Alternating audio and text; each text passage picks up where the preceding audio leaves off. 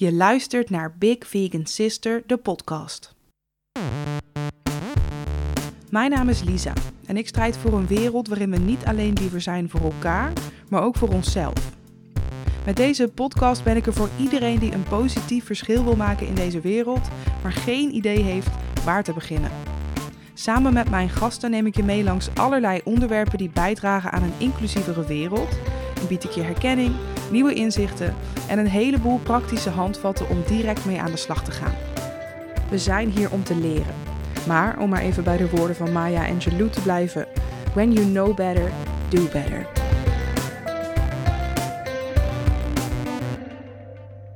Welkom bij een nieuwe aflevering van Big Vegan Sister, de podcast. De aflevering van vandaag is er eentje die me heel nauw aan het hart ligt. Want ik ga namelijk met twee fantastisch fijne, leuke gasten in gesprek over alles dat maar te maken heeft met disability. Wat kort gezegd inhoudt het hebben van een zichtbare of onzichtbare beperking. Met als grote verschil dat ik dit gesprek vooral wil voeren voor andere disabled mensen. Met non-disabled of nog niet disabled mensen die op de achtergrond meeluisteren. Een disabled gesprek voor de disabled gays dus. En ik leg jullie straks uit waarom ik dat zo belangrijk vind om te doen. Maar voor ik zo mijn gasten van deze keer aan je voorstel, wil ik eerst even een paar mensen enorm bedanken. Want zij hebben namelijk gedoneerd via mijn Petje.af kanaal. En via dat kanaal kun je voor een klein bedrag per maand lid worden van de podcast of eenmalig doneren. En zo zorg je ervoor dat de podcast kan blijven bestaan en ook kan verbeteren. Doe je dat maandelijks, dan krijg je daar exclusieve bonuscontent voor terug, zoals kijkjes achter de schermen en speciale podcasts. Mijn nieuwste vier petje-afnemers zijn Sam, Inge, Lisa en Marije en ik wil jullie echt enorm bedanken voor jullie bijdrage. Bijvoorbeeld een van de microfoons die een van de gasten van vandaag gebruikt, heb ik aan kunnen schaffen dankzij jullie bijdrages. Dus ik ben heel erg blij, dankjewel. En kun jij ook wel een paar euro missen en wil je ook bij de club? Wees dan super welkom. Je vindt alle informatie daarvoor op www.petje.af slash bigvegansister. En dan is het nu tijd om mijn gasten voor te gaan stellen. Ik ben echt enorm blij en dankbaar dat ik vandaag in gesprek mag gaan met Eline Pollaert en Jeannette Shedda. Eline en Shedda, welkom. Dankjewel. Dankjewel. Superleuk dat je ons hebt uitgenodigd. Ik ben heel erg blij dat jullie dit gesprek met mij willen gaan voeren. Um, zouden jullie misschien kort iets willen vertellen over waar je je op dit moment mee bezighoudt en wat jou een beetje drijft in het leven, zodat mensen een idee hebben van wie zijn Eline en Shada die wij nu de hele tijd gaan horen praten voor de komende, I don't know, anderhalf uur. Zoiets. Lekker lang in ieder geval. Ja, genoeg te vertellen. Wil jij beginnen, Eline? Nee, ik wil dat jij begint. Nou, mijn naam is Jeanette Shedda. Uh, online heet ik Shedda. Ik uh, hou me op dit moment bezig. Ik ben redacteur als beroep. SEO-specialist, dat doe ik drie dagen per week. Uh, mijn contract is onlangs verlengd voor een jaar, dus daar ben ik heel blij mee. Gefeliciteerd. Um, dat doe ik al sinds 2010, de redacteur zijn. Um, dus ik schrijf en daarnaast in mijn persoonlijke leven um, hou ik me dus bezig met disability activisme. In het collectief uh, Feminist Against Ableism. En ik ben sinds eind oktober kandidaat voor de Tweede Kamerverkiezingen. Ik heb oh yes. ook... Woehoe, dat bewaart gewoon tot het laatste om te vertellen. ja, in, ja, even nog. in een zijzinnetje. Ik ben By dus the way. nummer vier van uh, Politieke Partij Bijeen. Superleuk, super spannend. Um, ik heb ook gewoon hobby's hoor. Um, maar er komt nu niet zoveel van eigenlijk. Want ik ben in de pandemie erachter gekomen dat heel veel van mijn hobby's dus buiten de deur zijn. Buiten de deur zijn. Dus heel veel daarvan lukt gewoon nu even niet. Dat is wel ingewikkeld. Maar goed. Dus dat in een notendop iets over mij. Wat is een goede fun fact die we nog niet van jou weten, Shada? Ik heb twee prachtige Siberische katten. En ik weet niet of je dat niet weet, mm -mm. maar als je het niet wist... Ik denk dat we, denk dat we het wel weten. Zo niet iedereen moet Ja. het weten, dus Ja. herhaal het. Ik heb dus twee eh, fantastische Siberische katten. En die had ik net voor de pandemie. En eh, ik ben super blij met dat gezelschap. Dat kan ik me heel goed voorstellen. Ik ben ook zo blij met ons hondje Mila. Ah, Mila, ja. Mila is ook super fotogeniek. Dat, dat klopt helemaal. ik ben echt jaloers op haar wimpers. Zij heeft echt wimpers van drie centimeter of zo. Het is echt niet normaal. Niet alle dieren zijn fotogeniek hoor. Eh, ja, of ze bewegen te snel, zoals mijn chinchilla's. Oh, ja, die maar- blijven echt niet stilzitten voor een foto. Nee, dat geloof ik. Maar ze zijn wel erg cute. Ik, ik moet zeggen dat ik Ja, absoluut. echt sinds gisteren een beetje verliefd ben op Nessa. Eh, laat ons even binnen. Wie is Nessa? Even de ondertitels aan. Eh, ik heb sinds twee jaar hebben we een kat uit het asiel. Eh, Nessa heet ze dus. Ah. Ze is acht jaar. En ehm, ja, het is wel heel leuk, want we zijn, eh, we zijn samen de cripples in ons huis. Ze heeft, eh, bij de geboorte heeft ze zuurstoftekort opgelopen. Dus ze heeft hersenbeschadiging, waardoor ze niet zo heel goed kan lopen. Dus ze, ze, ze kreeft zo een beetje door het huis. Ze, ze valt regelmatig om met haar achterlijfje. En eh, het is, ze is ook heel klein gebleven vanwege die, die beperking. Dus het is echt alsof je naar een soort chunky kitten, Oh. dronken, permanent, zit te kijken de hele Oh. dag. En ze heeft echt een attitude van hier tot ginder. Dus het is ook voor mij Oh, een goed voorbeeld om... fantastisch. eh, Fantastisch. en de gorgeous. Oh. Ja, Nessa. heel erg. Oh, ik, En she knows. wauw. Misschien moeten we ook even foto's van onze diertjes bijvoegen. voor Ik denk dat het een voor hele in de, belangrijke... in de post of in de stories of zo voorbij deze aflevering. Zeker. Hé, hey, maar ehm. Elina, eh, on a more Ja. serious note. Waar hou jij je op dit moment mee bezig? En eh, wat drijft jou? Oeh, dat is een hele goeie. Ik, ben, eh, ik heb sinds kort een carrière switch gemaakt. Ik vond de pandemie nog niet uitdagend genoeg. Eh, You like to live on the edge? ik ben weggegaan bij mijn vorige baan. En eh, ik werkte altijd bij universiteiten in diversity offices de afgelopen jaren. En ik ben dus sinds januari dit jaar ben ik eh, zelfstandig onderzoeker, beleidsadviseur en projectcoördinator. Allemaal op het veld van diversiteit, inclusie, disability justice. Dat loopt echt als een soort rode draad onderdoor. En eh, het is echt, eh, het is heel erg wennen natuurlijk, want ik ben nooit zelfstandig geweest. Ehm, en het zoeken van opdrachten is gelukkig heel goed gegaan. Heel erg geprivilegeerd daarin. Ehm, en het is, eh, het is gewoon heel tof om op die manier te doen ja, waar ik zelf voor kies. En ehm, het zijn ook allemaal onderwerpen en, en klussen waar ik echt vierkant achter sta, ook als persoon. En dat, eh, ja, dat geeft me wel nu heel veel... Het kost heel veel energie, maar ik merk ook dat het me echt heel veel energie geeft... nu ik ja, thuis zit, eh, verder mij nog om handen heb... om, eh, ja, om me daarop te kunnen richten. Ja. Echt heel tof. Oh, Heel heel, erg voor. tof. En ehm, deze vraag stel ik altijd aan al mijn gasten aan het begin van de aflevering. Want hoe gaat het op dit moment met jullie? Misschien wil Eline eerst gaan? Nou, ik baal flink. Eh, omdat ik net voordat we begonnen met opnemen een telefoontje van mijn eh, behandelaar kreeg, eh, osteopaat, dat ze nog langer dicht blijven. Oh, nee. Dus ik heb vooral heel veel pijn. En ehm, dat gaat dus nog sowieso een dikke maand langer duren. En ik merk ook dat ik emotioneel echt gewoon redelijk afgefakkeld ben. Ja. Na een jaar binnen zitten, een jaar lang validistische rotzooi over je heen gestort krijgen. Ehm, ja, ik ben emotioneel gewoon moe. Echt heel moe. Ja, en dat brengt natuurlijk ook nog een extra laag mee als je nu in deze COVID-tijd ook nog eens disabled bent. Absoluut. Ja. En hoe is dat voor jou, Shada? Hoe gaat het op dit moment eh, met jou? Ja, dat is altijd een beetje een ingewikkelde, want ehm, er leven altijd tegenstrijdigheden naast elkaar. Want ehm, eigenlijk ben ik doodmoe. En ehm, dat komt omdat er gewoon heel veel gaande is in de wereld. We zitten natuurlijk in de pandemie.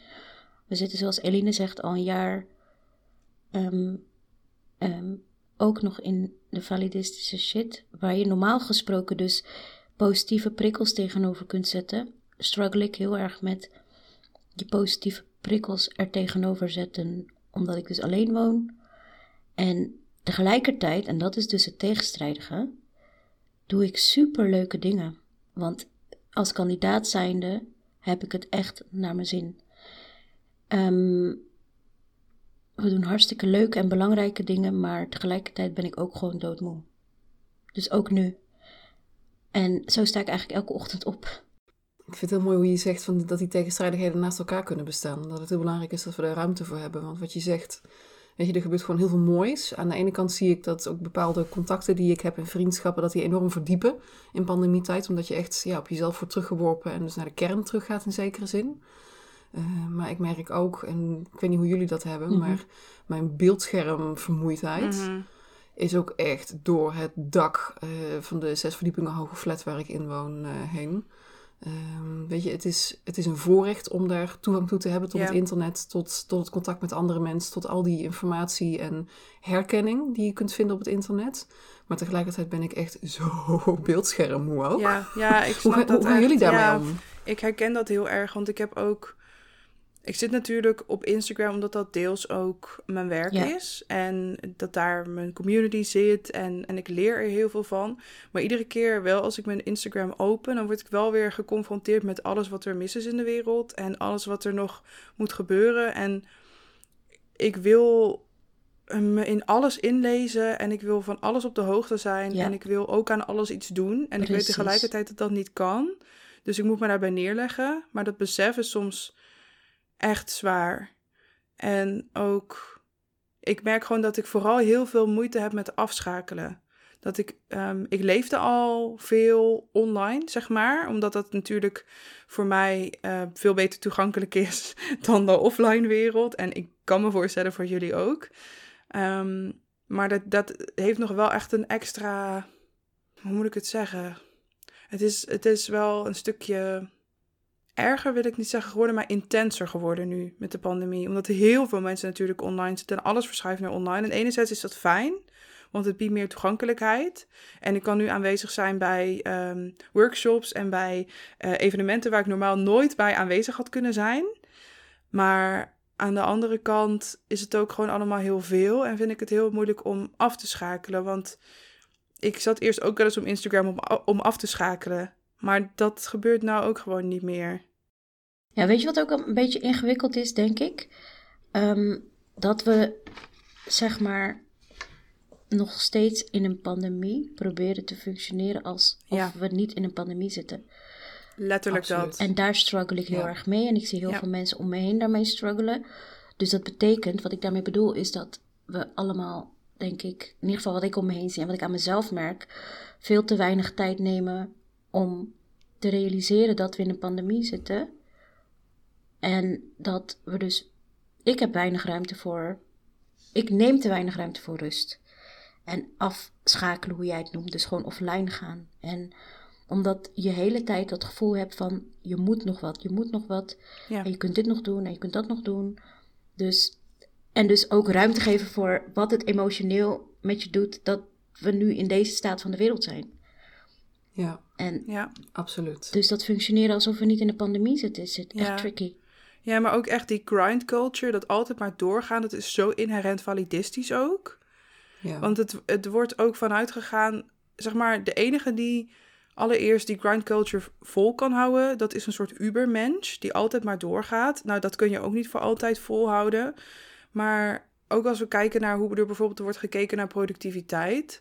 En in hoeverre er geen rekening wordt gehouden met mensen die niet aan de gemiddelde mate van productiviteit kunnen voldoen.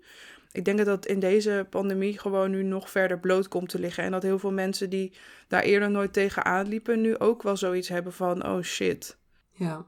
En tegelijkertijd blijft het een valkuil. Ja, ja, Ik ja. merk ook, ik zit gewoon all day, every day bijna, zit ik te werken. ik ook. En nu heb ik ook zeg maar geen rem meer, want ik heb geen contract voor een x aantal Ja. uur. ik doe alles als zelfstandige zelf. Ja, en je vindt het Ehm. waarschijnlijk ook heel leuk. Ook, ja, maar het, ook al vind je het leuk, dan moet je ook tijd nemen om te Zeker, en om zeker, op te laden. zeker. Ja. Maar ik bedoel meer, ik herken het heel erg. maar ga verder. Ja, wat me heel erg helpt is, ben net zoals Shada ben ik onderdeel van Feminist Against Ableism. Eh, en dat, dat helpt mij heel erg om dingen in een perspectief te zien en ook ehm, ja, een soort van gemeenschap te vinden. Met mensen waar je jezelf niet bij uit hoeft te leggen, waarbij je niet hoeft Ja. te verontschuldigen, waarbij die hele ja, norm of wat is gemiddeld, ja, wat, wat is überhaupt gemiddeld? Bestaat er een gemiddeld mens? Eh, ja, dat je dat even kunt laten gaan en dat je Ja. ondergelijkgestemde bent. En dat je elkaar daarin kunt zien en horen en erkennen. Ja, en dat je niet de hele tijd hoeft te bewijzen dat ook jij bestaansrecht hebt, gewoon met je disability. en niet ondanks. Ja. Hey, maar om maar het even terug te pakken op het woord disability, waar eigenlijk natuurlijk de hele podcast over gaat. Wat is jullie relatie tot dat woord? Claimen jullie het woord überhaupt of niet? En zowel hoe lang en eh, hoe, hoe verhouden jullie je tot dat woord? Hoe verhoud ik me tot disability? Ja. Nou ja, ik probeer het te reclaimen in de zin van dat ik een heel groot deel van mijn leven me heel erg geschaamd heb voor het feit dat ik OI heb, dat ik klein ben, dat ik in een rolstoel zit. En ik, zeg maar tot mijn 27ste ongeveer, dat heb volgehouden in een of andere overlevingsmodus. En toen had ik een burn-out.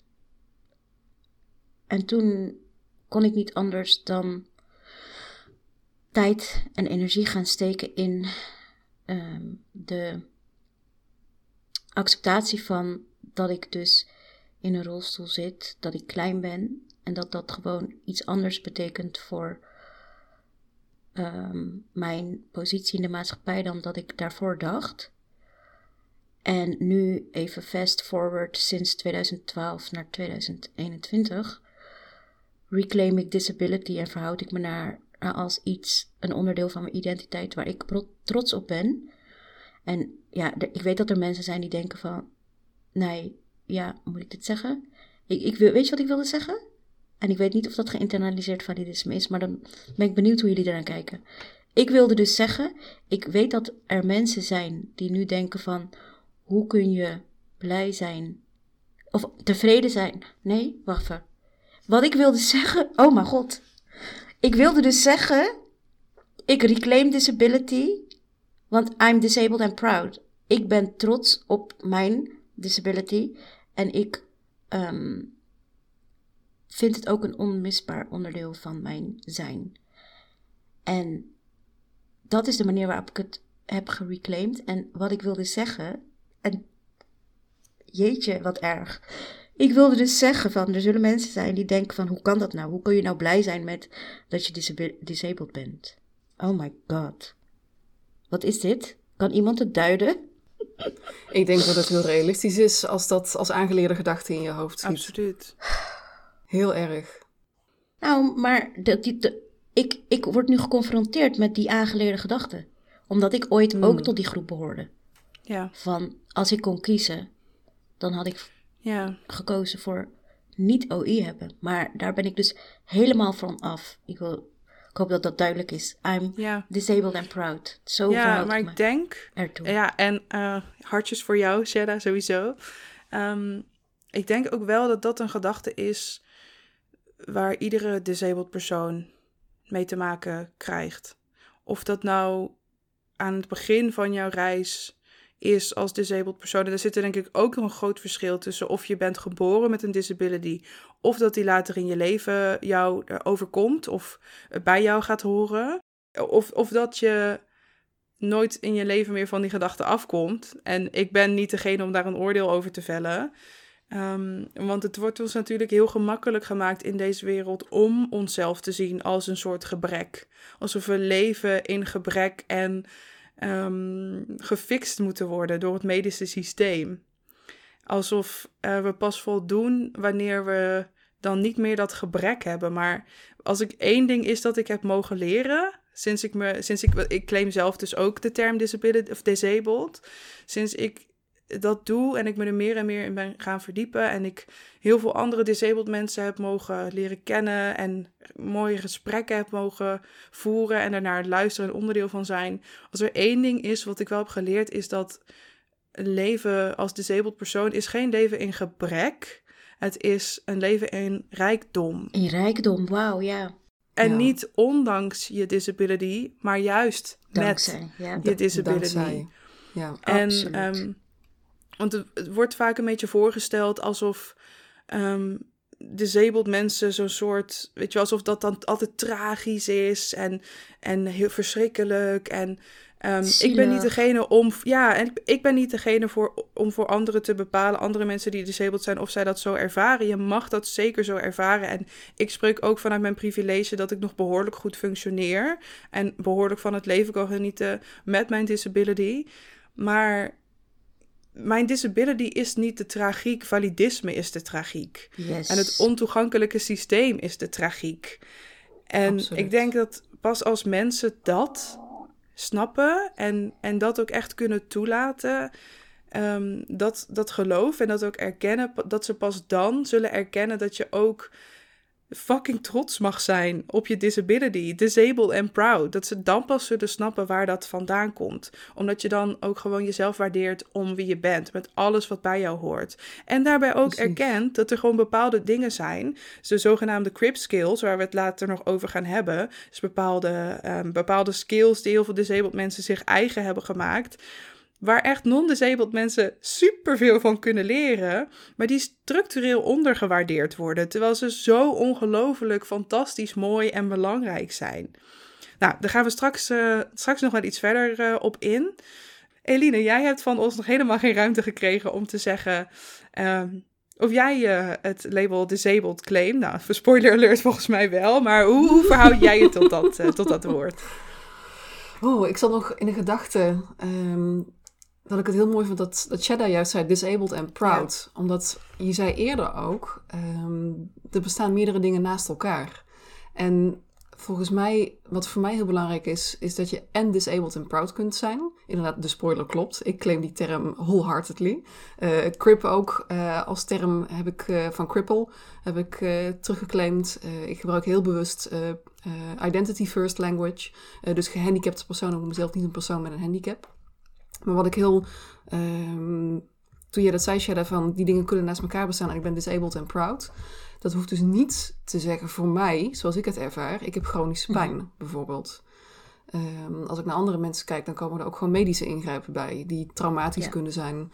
Um, het is, er zitten absoluut ook lelijke kanten aan. Disabled zijn gewoon aan, zeg maar, de... Disability ja. is messy as fuck. Yep. Ja, absoluut. En ook dat heeft een plaats in die trots. Ik claim het heel erg, denk ik, uh, crip of disabled zijn of gehandicapt zijn als een politieke identiteit. Hoe, hoe door en door uh, die ervaringen mijn leven kleuren. Uh, ik kan ook niet, uh, in mijn geval heb ik een fysieke impairment en ben ik neurodivers. En ik kan me ook gewoon oprecht niet voorstellen hoe ik de wereld op een andere manier zou kunnen ervaren. Uh, ik kan niet uit dat frame. Uh, dit, is, dit, dit, is wie ik ben. Ik denk als het gaat om identiteiten, dat het echt wel um, die identiteit is waar ik, ja, waar ik me met het meeste vertrouwen in kan, in kan laten zakken. Alsof je in een warm bad zakt. Um, van dit is echt iets waar ik absoluut niet aan twijfel in mezelf, waar ik mezelf ook niet het gas onder de voeten wegmaai. Um, ja, het is, het is fundamenteel wie ik ben. Ja, precies. Dus ja, Heel mooi. kort ja. gezegd, ik, ik claim het. Ja, nee, maar echt prachtig dit, uh, Eline. En dat doet me ook nogmaals beseffen, want je zegt ook, ik zie mijn disability ook als een soort politieke identiteit, of mijn disabled zijn, en daar kan ik me volledig in vinden. Um, want wij zijn ook eigenlijk disabled omdat het systeem ontoegankelijk is. Want omdat er een bepaalde norm is van tussen aanhalingstekens gezonde neurotypische mensen, waar wij dan niet aan voldoen, omdat wij dan daarvan afwijken, zijn wij disabled. Of in Nederland zou dat dan heten personen met een beperking of een onzichtbare ziekte, of nou neurodiverse of wat dan ook. En ook dat beseffen dat het systeem gewoon niet voor ons gemaakt is, maar dat we wel onze Nee, hoe moet ik het zeggen? Dat het systeem niet voor ons gemaakt is, maar dat, we, dat het daarom ook misschien des te belangrijk is om jouw eigen mensen om je heen te verzamelen. Om daar een soort van microcosmos te hebben samen waarin je gewoon bent. En waarin jij de, een keer de norm bent. En jezelf ja, niet Als je het hebt over crib skills, Zo... is dat echt... Als ik de afgelopen jaren één ding heb geleerd wat betreft crib skills, is het crib community. Ja. Uh, en het klinkt heel raar om te zeggen dat dat een skill is, maar ik heb echt moeten leren uh, dat ik het niet alleen kan doen in de eerste plek, maar het ook niet alleen hoeft te doen. Dat ik niet alleen ben in mijn ervaringen. Uh, en dat je dus ook zo'n gemeenschap kunt maken. En dat bedoel ik als crip community als skill. Uh, dat is echt een vaardigheid die ik heb geleerd. Absoluut. Uh, er, zijn, er, er, zijn mensen die. je bent niet alleen. Er zijn mensen zoals jij. Er zijn mensen die, die ook dit soort ervaringen hebben. het ligt niet aan jou. Um, en het geeft zoveel troost. En weer dat woord rijkdom om je te kunnen verhouden tot mensen zoals jijzelf. En dat, uh, ja. dat is voor mij ook een leerproces geweest. Want dat, ja, daarvoor moet je ook uh, je binnenkant durven laten zien. En jezelf eerlijk in de spiegel durven aankijken.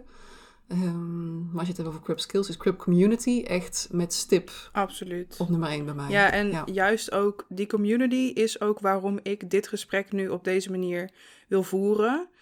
Want heel veel gesprekken die over disability worden gevoerd, um, dat gebeurt vaak ook nog zonder disabled mensen erbij, maar ook al zijn ze er wel bij, dan komt het heel vaak op hetzelfde neer. Want het is allereerst al op een platform dat is bedoeld voor mensen die niet disabled zijn. En dan gaat het altijd over, nou, oh, wat erg, of wat heb je dan, of wat is er dan gebeurd, of nou, kijk wat deze persoon allemaal nog kan terwijl die in een rolstoel zit. Ik bedoel, kijk naar zo'n programma als, wat ik straks al even benoemde, Je zal het maar hebben. Dat wordt letterlijk door de makers, BNN-Vara, omschreven als een programma dat inspirerende en dappere jonge mensen met een zeldzame aandoening of ziekte volgt. En dit vind ik nog het allerergst. Ze laten zien dat ze ondanks hun aandoening niet aan de zijlijn, maar midden op het speelveld staan. Ondanks is zo'n rood, rode vlag. Wauw, wauw, wauw. Ondanks is echt een hele rode vlag. Zo, dit is gewoon echt een inspiration porn ten top. Yes. Ik wil eigenlijk nog even iets zeggen over een belangrijke switch die ik in mijn hoofd heb gemaakt een aantal jaren geleden. Uh, want eerder zei ik iets over uh, dat ik een groot deel van mijn leven me heel erg geschaamd heb voor dat ik klein ben, dat ik in een rolstoel zit, dat ik OI heb. Um, omdat ik zeg maar heel erg geïnternaliseerd had dat er dus iets mis was met mij. En je kunt je dan voorstellen wat voor sad life je dan hebt als je dus constant moet leven met. Het was voor mij echt een feit van dat er dus iets mis met mij was. Want dat kreeg ik ook constant impliciet of expliciet te horen. Um, en de switch die ik dus heb gemaakt, wat me zo'n zo last van mijn schouders heeft gehaald, is dat, en daar refereerden we eerder dus aan, die switch is dus van dat geloven dat er iets mis is met mij, nadat het probleem helemaal niet in mij zit, maar dat dat zit in die ontoegankelijke samenleving. En de reden dat ik dat wil benadrukken, omdat ik weet dat er heel veel gehandicapte mensen, mensen met chronische ziekte of uh, psychische kwetsbaarheid, met dat idee leven dat er dus iets mis met ze is. En ik wil echt heel erg benadrukken dat dat dus niet zo is. Er is niks mis met jou. Het probleem zit echt in de samenleving. Absoluut, absoluut. Dit is zo'n belangrijke toevoeging. Dankjewel, Shada. Dit is zo belangrijk en dit is dus waarom het zo belangrijk is om disabled communities te hebben. Want het, kijk, in het ideale geval zou natuurlijk de hele wereld niet meer validistisch zijn en helemaal uh, endorsen dat wij trots zijn op onze disabled zelf. Maar helaas zijn we nog niet zover. En dit is dus precies ook waarom ik dit gesprek nu op deze manier wil voeren. En ik kan me best wel voorstellen dat er nu mensen luisteren die denken: Oh, ik snap niks van deze termen. Nou, in, dit, in dat geval zou ik ze heel even gaan googlen of mijn boek uh, uh, Laat je horen gaan lezen, want daar staat het in uitgelegd.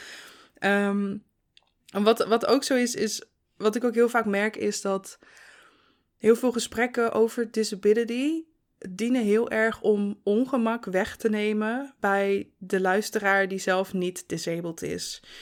En het voor hen voelt disabled zijn of ziek zijn of wat dan ook, voelt als heel erg ver van hun bedshow. Terwijl ten eerste waarschijnlijk, ik durf te wedden dat letterlijk iedereen minstens één persoon kent die disabled is, of diegene nou wel of niet die term claimt. Um, Eén op de zes personen heeft een disability volgens de World Health Organization. Precies. Dus dat zijn, dat, dat zijn echt allemaal mensen die je kent. En daarnaast, iedereen die het voorrecht heeft om lang genoeg te leven, wordt uiteindelijk disabled. Wat ik wel heel belangrijk vind om in deze context op te merken. En ik had de gedachte net al en toen is die een beetje weggevlogen. Maar nu is die weer terug en ik vind nu een goed moment om het te zeggen. Um, wat ik ook in mijn ervaring van disability uh, merk, is dat het ook een enorm voorrecht is om dit te kunnen ja, claimen als identiteit. Absoluut, absoluut. Ik ben wit, uh, ik heb dun privilege, ik ben theoretisch opgeleid. Um, het is voor mij relatief veilig om dit te zeggen. Ja. Uh, er zijn heel veel mensen, bruine mensen, zwarte mensen, uh, mensen uit een andere sociaal-economische klasse, mensen met een praktische opleiding, mensen zonder opleiding, analfabeten mensen. Als die uh, dit zouden claimen, deze identiteit, dan worden heel erg veel kansen weggenomen. Absoluut. Dus juist ook het, het um, ja, disabled pride, ja. En tegelijkertijd ben ik me er heel erg van doordrongen dat het ook een voorrecht is om ja. zo'n identiteit te kunnen claimen. Absoluut, het is een gigantisch privilege. Dat, is, dat besef ik mij ook heel erg goed. Nog niet eens zo heel lang, maar inmiddels wel. Kijk, ik ben natuurlijk ook wit.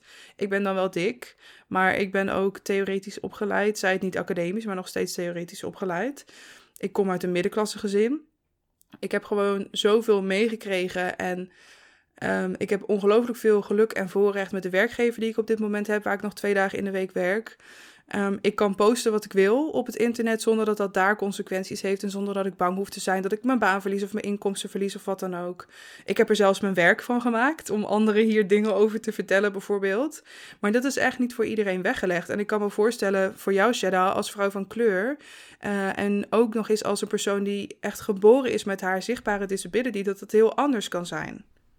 Ja, want dit doet me heel erg denken aan dat ik eigenlijk altijd al het gevoel heb gehad door mijn disability dat ik perfect moet zijn, dat ik me geen fouten kan veroorloven.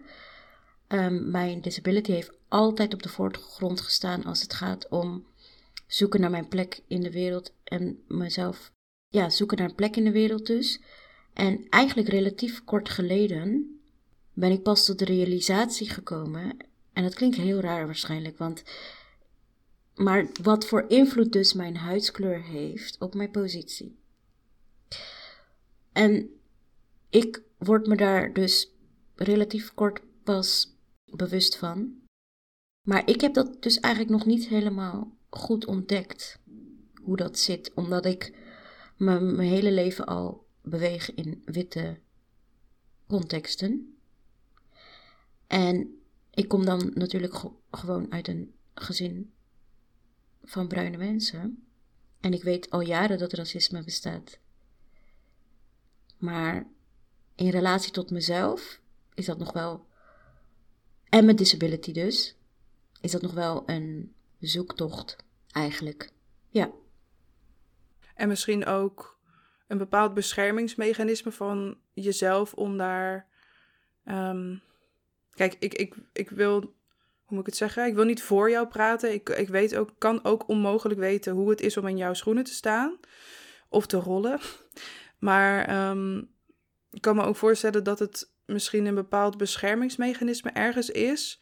Om dan onbewust een soort schild op te zetten voor al die racistische meuk. En eventueel ook binnen de disability community om jezelf daar een beetje tegen te beschermen. Um, omdat het al moeilijk genoeg is om jezelf door de wereld te bewegen.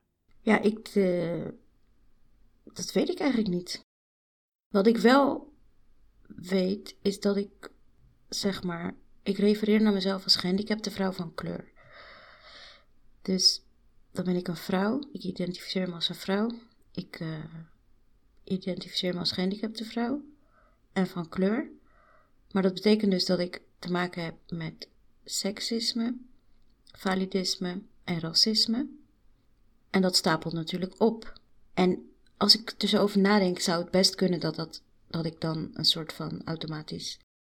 Ja, of ik ben me er nooit echt. Ja, ik weet het niet. Ik vind het ingewikkeld. Het is ingewikkeld ja. omdat juist. Ja, maar jij bent ook gewoon zo gewend om jezelf te zijn. Ja. Je bent gewoon jezelf. En pas als je je door een witte context beweegt, wordt daar een bepaalde betekenis aangegeven waar jij niet zelf voor kiest. Nee, maar dan weet ik dus, heb ik dus nooit geweten wat, welk onderdeel van mijn identiteit dan op dat moment invloed heeft. Precies. Ik zal nooit vergeten, Sheila, dat je ooit tegen mij zei in een gesprek. Uh, ik weet nou niet waar mensen me ompakken, omdat ik vrouw ben, omdat ik bruin ben of dat ik in een rolstoel zit. Nee.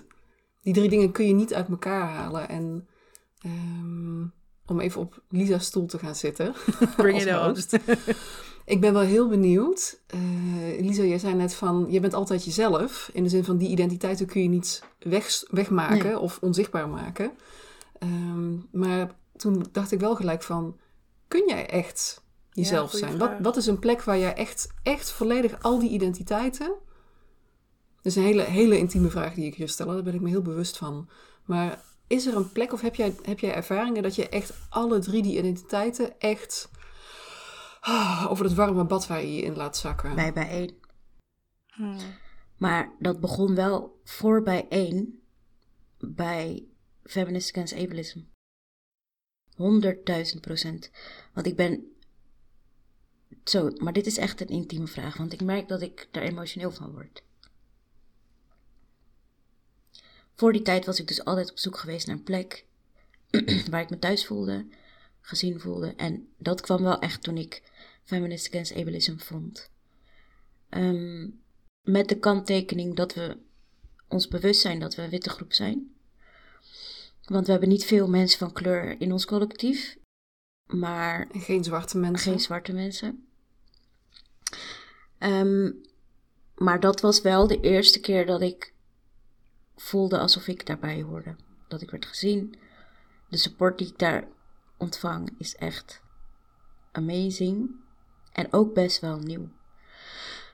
Maar bij, bij en bij bijeen, dus niet maar en bij bijeen, is het al helemaal. Oh my god, ik weet niet hoe ik moet beschrijven hoe daar de wereld dus helemaal omgedraaid is. Like, wij zijn het uitgangspunt. En niet die witte wereld. En het is. Weet je, het Nederland dat wij voor ons zien, dat gun ik gewoon echt, like, iedereen. En het is, wat wel echt een, een, een, tricky ding is, is elke keer als je dus, als ik uit die bubbel stap van Feminist Against Ableism, of uit die bubbel stap van bijeen, krijg ik wel echt slaps in my face elke keer. Omdat je dan gewoon dan niet meer nadenkt over alles waar je normaal gesproken tegenaan loopt. En dan in één keer word je er door overvallen als er weer iets gebeurt. Dus dat is er wel tricky aan, maar dat, dat zijn de plekken. En ik heb daar wel echt meer dan 30 jaar naar moeten zoeken. Ja, dat lijkt me een pijnlijke reality slap als je eerst merkt van, kijk, het kan dus wel. Een wereld waar ik mezelf kan zijn en waar ik word gewaardeerd om wie ik ben en niet ondanks wie ik ben. Of Mhm. waar ik word getolereerd. En als je dan weer buiten die bubbel komt in een wereld die volledig in de fik staat, letterlijk en figuurlijk. Lijkt me heel moeilijk. Ja, dat is eh, moeilijk. Maar het is voor mij tegelijkertijd ook nog wel een beetje een zoektocht hoor. Want kijk, sinds. Ik ben al sinds maart bezig met mijn kandidaatstelling. Maar ik ben, zeg maar, nu fast forward een jaar verder. Heb ik echt flinke stappen in mijn persoonlijke ontwikkeling gemaakt. Daarin. En weet je wat ook echt ingewikkeld is? Omdat ik nu aspirant politicus ben. En wij natuurlijk al decennia lang kijken naar hoe ons huidige politiek zich beweegt, vind ik het soms moeilijk. Want kijk, ik ben iemand die mij best wel openstelt. Ik wil graag praten over de dingen die ik moeilijk vind, met de hoop dat anderen daar herkenning in zullen vinden en zich daar niet alleen in voelen. Omdat ik weet dat ik met heel veel struggles in mijn leven me heel alleen heb gevoeld, totdat ik erachter kwam dat ik dus niet de enige was die ehm, zich voelde zoals ik me voelde. Maar, dus ik vind het belangrijk om op dat, over dat soort onderwerpen te praten. Maar in het kader van onze politiek struggle ik soms wel met hoeveel geef ik mezelf bloot. Want Ja. de oude politiek, ja, het spijt me, het spijt me niet. Maar heel vaak zien we de menselijke kant van de politici amper. Ja. En ik ben juist iemand tegen je heel- gebruikt. Hm? Ja, dat wordt echt tegen je het tegen je gebruikt. ja. gebruikt. Ja, Ja. maar dat. Dus bij elke stap die ik zet, ben ik gewoon letterlijk dat ik denk van. Moet ik het nu wel over seks hebben? Moet ik nu wel zeggen over wat ik moeilijk vind? Dus ik merk dat ik soms een filter op mezelf zet om over dat soort dingen te praten, maar dat gaat dus totaal tegen mijn natuur in. Want ik vind ook dat bij één dus nieuwe politiek gaat brengen in onze oude politiek. Vanuit ervaringsdeskundigheid. Vanuit ehm, juist de moeilijke dingen die wij meemaken, die willen wij brengen naar de politiek. Dus ik vind dat het nodig is, maar het is tegelijkertijd ook heel moeilijk om daarin te kiezen elke keer wat je daarin van jezelf prijsgeeft. Ja.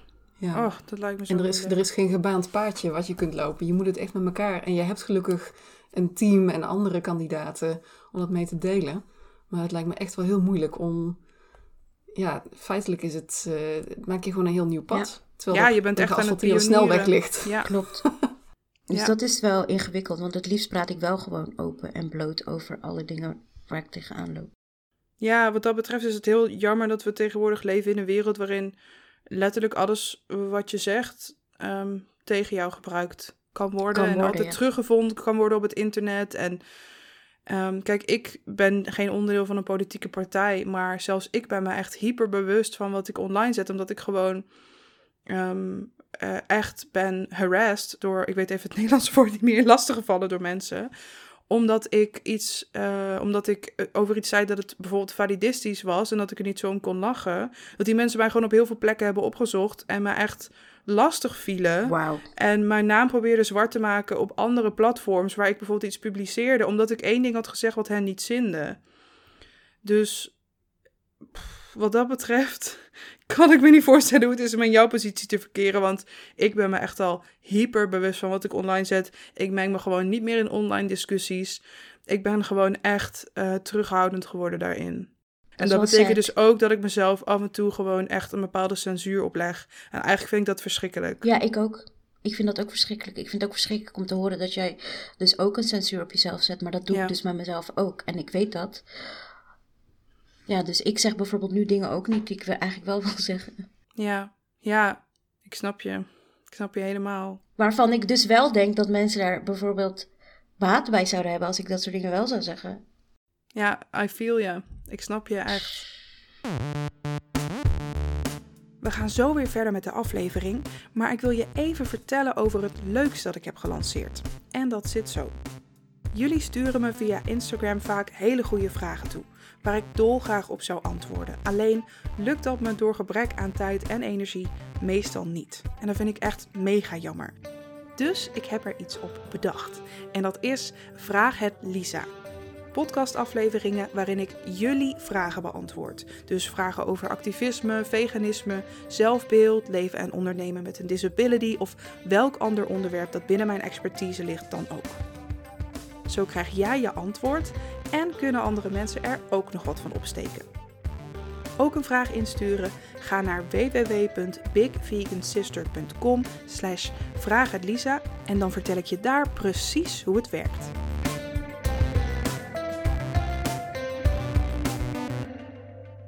Je gaf ook aan dat je afgelopen jaar uh, vanaf maart, sinds je je met bijeen volgens mij bezig ging houden, dat je echt een flinke persoonlijke ontwikkeling hebt doorgemaakt. En wat ik er een beetje doorheen hoorde sijpelen is dat je, ik denk net als Eline en ik, ook best wel wat last hebt gehad of nog steeds wel hebt van geïnternaliseerd validisme. Klopt dat? Absoluut. Kan jij er iets over vertellen hoe dat zich manifesteert of manifesteerde bij jou, als je dat zou willen? Nou ja, in uh, het proces van uh, solliciteren bijvoorbeeld. Um, ik heb nooit voor maart 2020 nagedacht over iets te doen in de politiek. Omdat ik me niet aangesproken voel door de politiek. Het gaat niet over de dingen die voor mij belangrijk zijn in de politiek. De mensen die er nu zitten lijken niet op mij, die praten niet net als mij. Die hebben gewoon hele andere denkbeelden.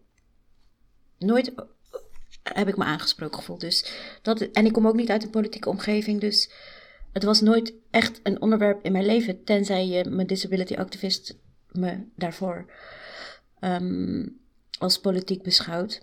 Maar toen ik dus ging solliciteren. Dat was alleen omdat erop werd aangedrongen dat ik ging solliciteren. Dus toen ben ik er serieus naar gaan kijken. Want dit is dus geïnternaliseerd validisme puntje 1.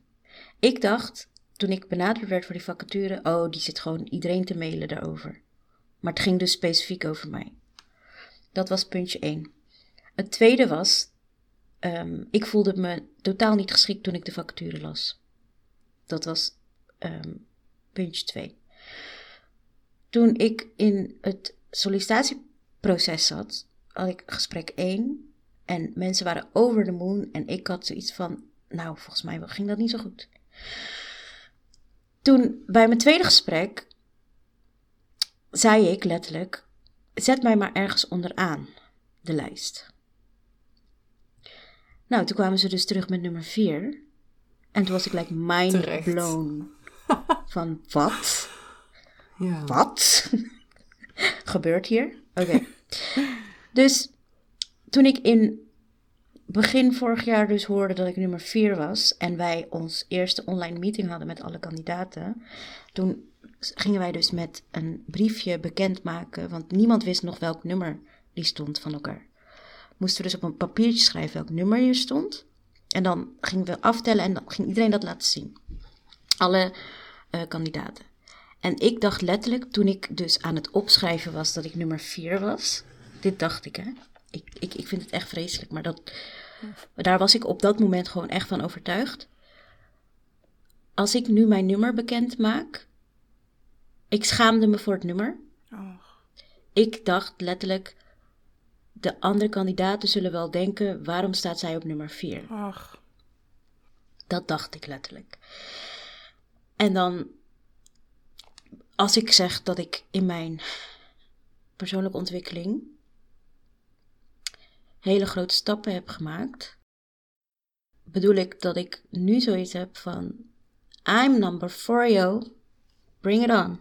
Oh yes. Dus ik heb echt op een sneltrein gezeten. Dat heeft te maken met dat wij een amazing kandidatenteam, kandidatenondersteuning en gewoon een fantastische politieke partij zijn.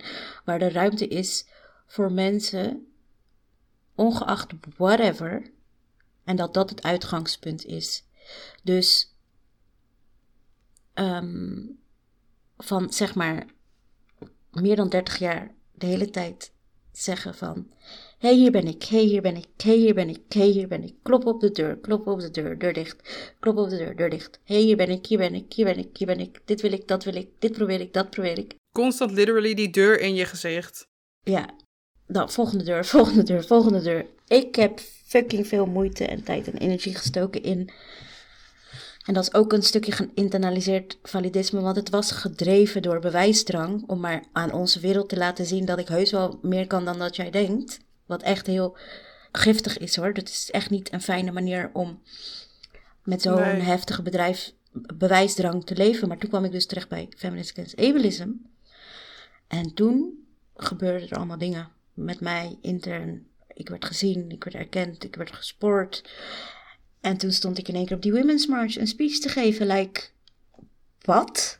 Holy shit. Laten we daar alsjeblieft in de final editing een stukje van opnemen. Oh, Zo goed, zo goed.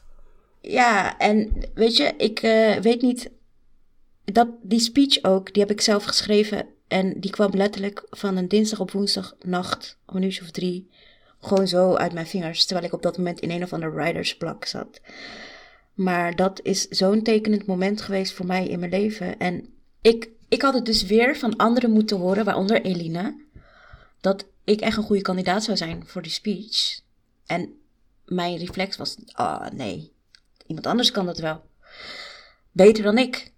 Maar omdat ik juist op dat moment voor mezelf had besloten dat ik gewoon iets tegen dat reflex moet doen van steeds zeggen dat ik niet goed genoeg ben, zei ik dus gelijk: Oh ja, goed idee. Terwijl ik dat helemaal niet dacht. Maar ik dacht: Oh ja, goed idee. En uiteindelijk heb ik dus die speech gedaan. En ik ben zo blij dat ik dat heb gedaan en die mogelijkheid heb gekregen om dat te doen. Want eh, op, die, op dat podium hebben echt, ja, vanaf dat moment is er zoveel, hebben zoveel meer mensen mij kunnen zien van een kant die ik al heel lang probeerde te laten zien. Maar dat dat niet lukte. Het is ook echt zo bijzonder om jou vanaf de zijlijn Ja. zo als een soort zo'n zo'n hyperloop trein. Ja, maar het is wel echt zo. Want kijk, jullie Ja. kennen elkaar al iets langer dan ik. Maar Shada, ja, eh, ik volg jou toch ook al wel een tijd. En ik heb gewoon letterlijk jou die groei zien doormaken vanaf de zij-zij-zijlijn. Het is zo goed zichtbaar hoe meer at ease je op het moment bent met jezelf. En hoe meer je in jezelf gelooft. En ik vind dat echt prachtig om te zien.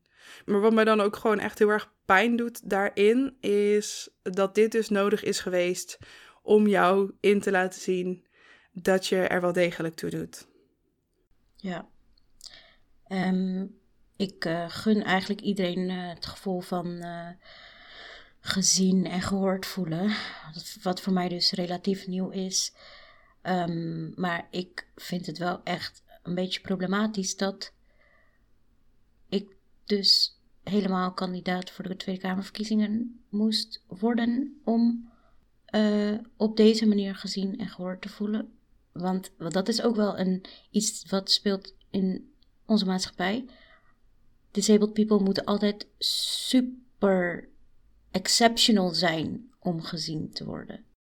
Dus ik wou dat dat, ik wilde dat dat niet ervoor nodig was geweest, to be honest. En ik hoop dat wij met z'n allen ook, en ik weet dat we dat ook met z'n allen aan doen zijn, dat pad aan het vrijmaken zijn om niet constant zo exceptional hoeft te, hoeft te zijn om met ons hoofd boven het maaiveld te kunnen Absoluut. uitsteken. En het zijn ook altijd disabled mensen die keihard moeten strijden voor andere disabled mensen. Terwijl wij degene zijn die moe en ziek zijn.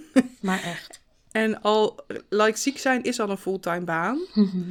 Een beperking hebben is al een fulltime baan. En dan moet je ook nog eens voor jezelf opkomen om aan de wereld te bewijzen dat je ook, weet je wel, recht hebt op een menswaardig bestaan. Dat je ook recht hebt om op een veilige manier te gaan stemmen, bijvoorbeeld. Oh, Eh. Waarom mogen alleen 70-plussers met een kwetsbare indicatie, sowieso het woord kwetsbaar, ga ik nu verder niet op in, ben ik het ook al niet mee eens. Hebben we ook Ja, heb ik, daar denk ik bepaalde dingen over. Heb ik een mening over. Ehm, maar waarom mogen alleen zij per post stemmen? Ik kan iemand een volmacht geven, gelukkig. Maar ik kan niet zelf naar het stembureau. Als ik eh, COVID krijg, ben ik echt compleet fucked. En er zijn zoveel andere mensen die gewoon letterlijk dood kunnen gaan. Als, eh, dan heb ik het niet per se over mezelf, maar er zijn gewoon mensen die als zij nu COVID krijgen, gaan ze gewoon dood. Mhm. En die moeten dan maar wel naar het stembureau gaan om hun stem te laten horen. Ik vind het echt. Ja, juist op het moment dat we invloed kunnen hebben op de koers Ja. van dit land. Ja, Precies. stemmen is zo ontoegankelijk. Ja. Wat las ik nou? 10% van alle stemmers eh, overweegt serieus om niet te gaan omdat het gewoon te gevaarlijk is. 10%! Dat zijn 1 op de 10 mensen. Dat kan echt niet. Maar er is niet echt een probleem hoor. Nee, nee, nee, Nee, want- precies. Want Nou, tussen aanhalingstekens, iedereen kan nu veilig stemmen.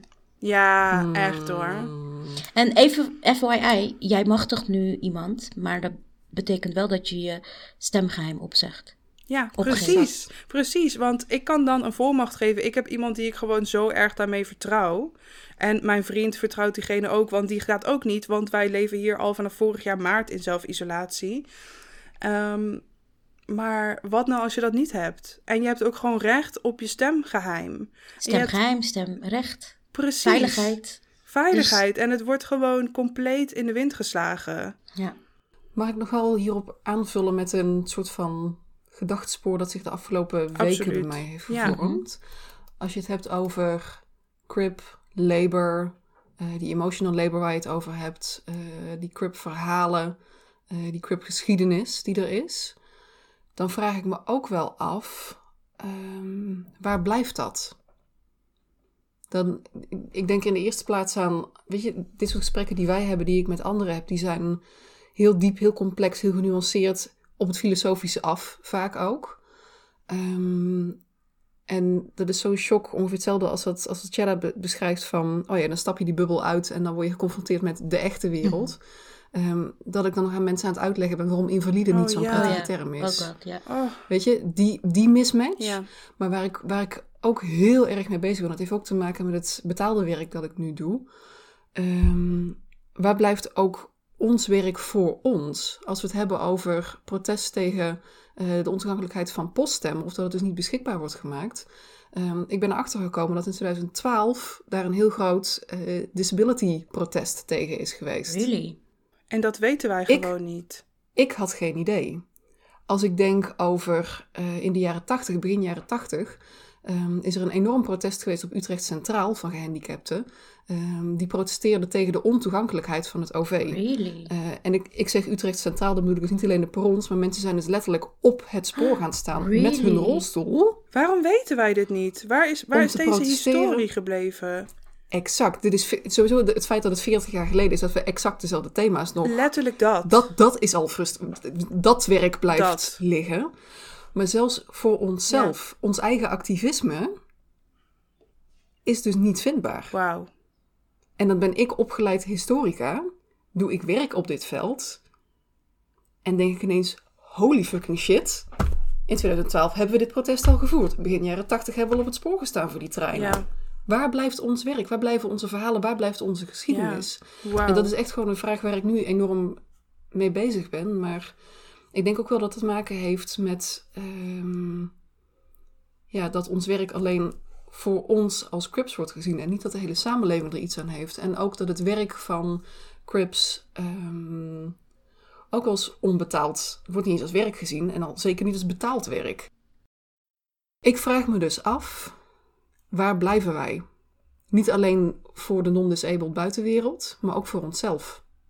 Ja, voor we dit gesprek openen, zei jij ook heel terecht, Eline, we moeten eigenlijk gewoon ergens een soort ehm, plek opstellen waar we gewoon alle resources, alle boeken, alle interessante mensen om te volgen, alle documentaires, alles wat wij maken, wat, wat dus de hele disability community ter wereld maakt, of als we het dan ook maar ook al concentreren maar op Nederland, dat we dat gewoon moeten bewaren. We moeten dat conserveren. Ik zou het heel graag willen richten op Nederland.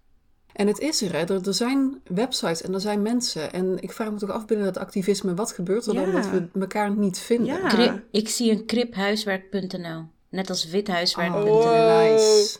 Ik ga hem nu patenteren Go, go Eline. Ja, maar dat is het dus. Want ehm, ik kan me voorstellen dat voor de mensen die dat soort dingen al lang doen, maar die totaal niet gezien worden, ook super frustrerend is. Om dan de hele tijd andere mensen weer het, het zogenaamde wiel uit te zien vinden. Dat zij al lang uitgevonden hebben, maar wat dan weer niet gezien wordt. Wat echt zo Exact. nogmaals bevestigt dat me- disabled mensen gewoon constant niet gezien worden. Ook al, we zijn hier. we zijn er. Hallo. Laten we heel concreet zijn. Geen doorhoud de actiegroep. En bijeen zijn een petitie gestart Oh, om poststemmen inderdaad. voor 70 minners met een gezondheidsrisico toegankelijk te Ja. maken. Wie is daarmee aan de haal gegaan, heeft een kort geding aangespannen? De Partij voor de Dieren. Hoeveel credits geven zij ervoor aan de bedenkers? Nul. Exact. Dat- Nee, maar ze claimen ook dat ze er al eerder mee bezig waren. En ja, ik Maar ben... gewoon dat je dus blijkbaar het belangrijker vindt om tegenover de samenleving te doen alsof je solidair bent, dan dat je ook echt solidair bent. Maar dat geldt denk ik ook wel binnen disability Oh, activisme. dat denk ik ook. Ik denk in Nederland eh, hebben we natuurlijk heel erg ingezet op zo'n medisch model van handicap. Dat jij mag bij jouw soort, jij mag bij jouw soort. Voor jou maken we dit goede doel en voor jou maken we deze ja, voorzieningen. en jouw beperking is iets dat Ehm. zo goed mogelijk genezen moet worden, zodat je weer aansluit bij de gezonde norm. Is het jullie Exact, trouwens opgevallen, sorry tussendoor, dat heel veel goede doelen eigenlijk overheidstaken zouden moeten zijn? Ja, Toegankelijk spelen, om als voorbeeld te noemen, maar zo zijn er nog heel veel goede heel doelen veel, absoluut. die eigenlijk overheidstaak zijn. Yep. Eh, toegankelijkheid, zoals jij altijd zo mooi zegt, Shada, is geen gunst, het is een recht. Maar waarom worden wij Ja. niet in dat recht voorzien? Oké, Elina, go on, because you were going on to something. Ja, ik, voor mij zat ik op een verhaal dat ehm, de manier hoe wij dat heel medisch hebben ingericht in Nederland, dat landschap voor disability, ehm, dat er ook heel veel, ja, ik noem het maar verzuiling heeft plaatsgevonden. Van lichtverstandelijke beperking hoort bij lichtverstandelijke beperking, eh, eh, meervoudige beperking hoort in dat clubje. Eh, als het gaat over rolstoelgebruikers, dan zit je in dat hoekje. En dat er dus eigenlijk, eigenlijk zeker in Nederland, ehm, geen cross-disability solidariteit Oh, is. Ja. Ja, En ik denk ook een stukje intergenerationeel dat daar zit. Ik heb bijvoorbeeld nu een opdracht, ehm ben projectcoördinator voor een tentoonstelling die 40 jaar disability activisme of verzet, Oh. eh, disabled Nee. verzet in kaart brengt. Eh, which is fucking Ja. En daarmee ga ik dus, ja, dat is vanuit een collectief, het Kreukelcollectief is dat. En daar zitten eh, voornamelijk zeg maar de, de oude garde activisten in. Ehm, en ik denk, oh my god, we hebben echt hier, er zit gewoon levende geschiedenis aan tafel hier. Hè? Dit zijn mijn disabled elders. Zoals ze dat zo mooi zeggen in het Engels. Dit zijn mijn, mijn voorouders, zij hebben de weg gebaand. Ik krijg de kans om met hen samen te werken. En tegelijkertijd merk ik ehm, dat er ook vrij veel verzet is, omdat hij vanuit eh, niet een intersectioneel perspectief werkte. En vanuit Feminist Against Ableism, vanuit mijn persoonlijke overtuiging, denk ik, de enige manier om het te doen is intersectioneel. En er geen witte mensenfeestje van te maken, geen hetero feestje van te maken, precies. et cetera, et cetera. Maar dat is natuurlijk ook voortschrijdend inzicht. En in hoeverre kun je daar de activisten van vroeger en hun werk daar volledig mee buiten spel Ja. zetten? En ik vraag me af, hoe kunnen we die geschiedenis zien en erkennen? Ook eh, aanhaken waar de lacunes zitten, Daar maar wel dat werk blijven conserveren. Want er is gewoon, ja, er is zoveel al gedaan. Ehm, sommige wielen zijn we gewoon dus kennelijk opnieuw aan het uitvinden. echt. waar ik zelf als disabled historica zonde. dus ook nog aan het achter ben aan het komen. Ehm, en we hoeven niet alles klakkeloos over te nemen. Maar er is nu niets van continuïteit in mijn beleving. Ik heb dus eigenlijk nergens om op verder te bouwen. Nee. Nee, want we beginnen de hele tijd opnieuw.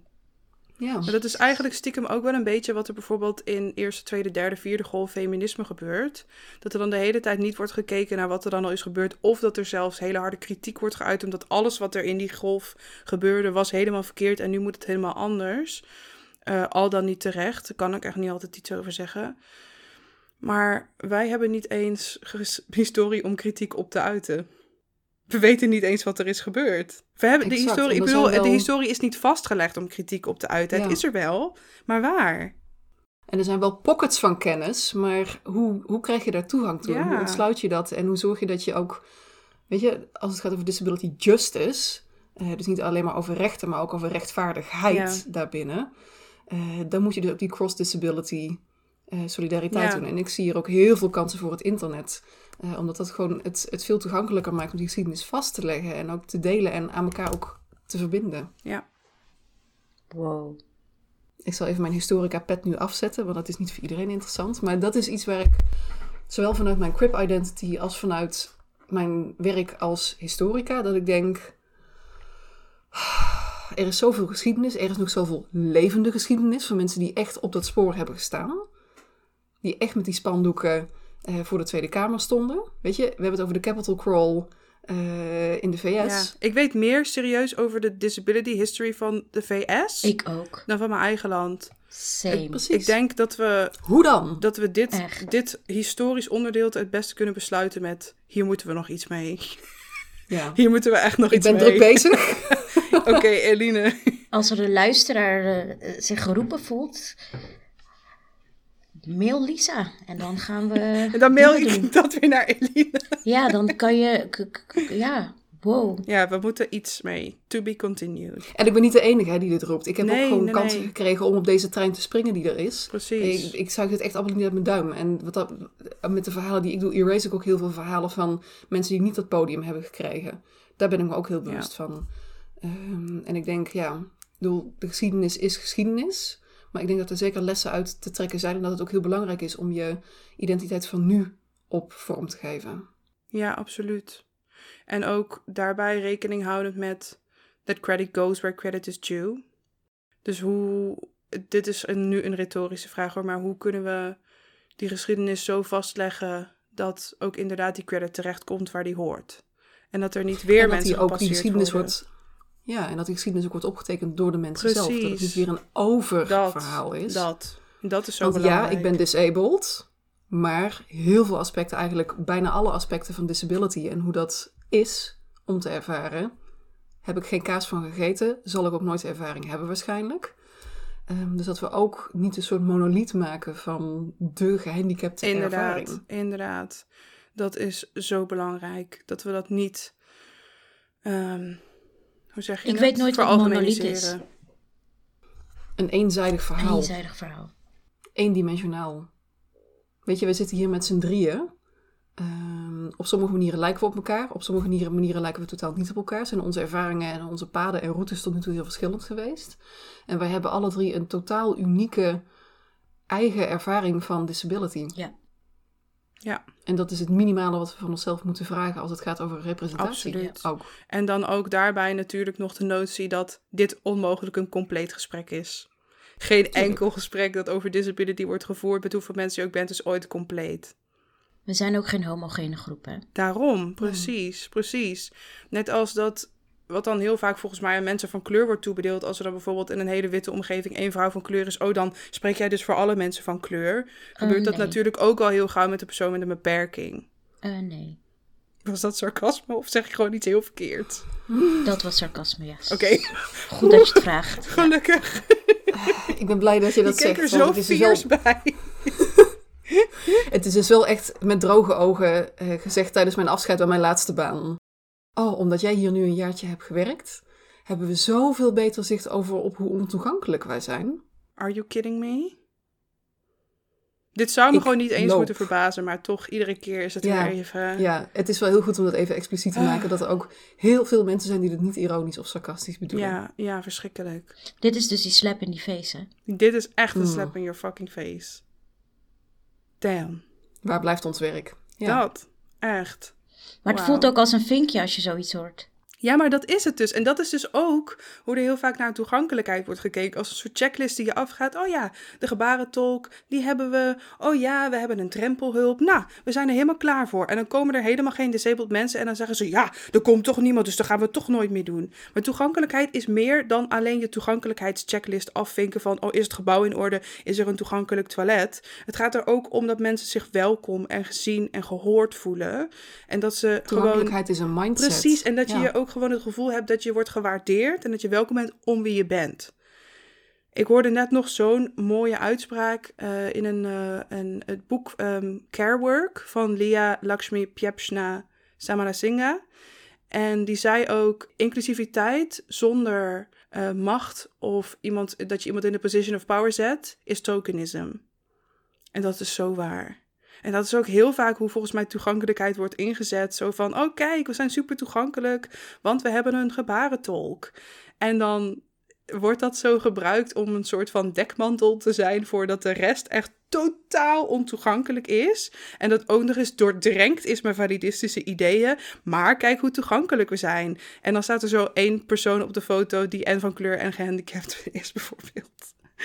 Ja. Ah, Dit is pijnlijk herkenbaar, Ja. ook gezien mijn eerdere werk. Ja. ja. Wat ik ook heel belangrijk vind als we het hebben over toegankelijkheid, is om het werk van Mia Mingus te noemen. Ja. Eh, Mia Mingus, ik kijk even op mijn speakbriefje, want ik wil haar woorden gebruiken om haar te beschrijven.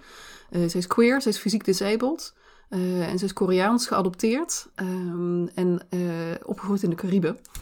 En wat zij heeft geïntroduceerd is het concept access Ja. intimacy.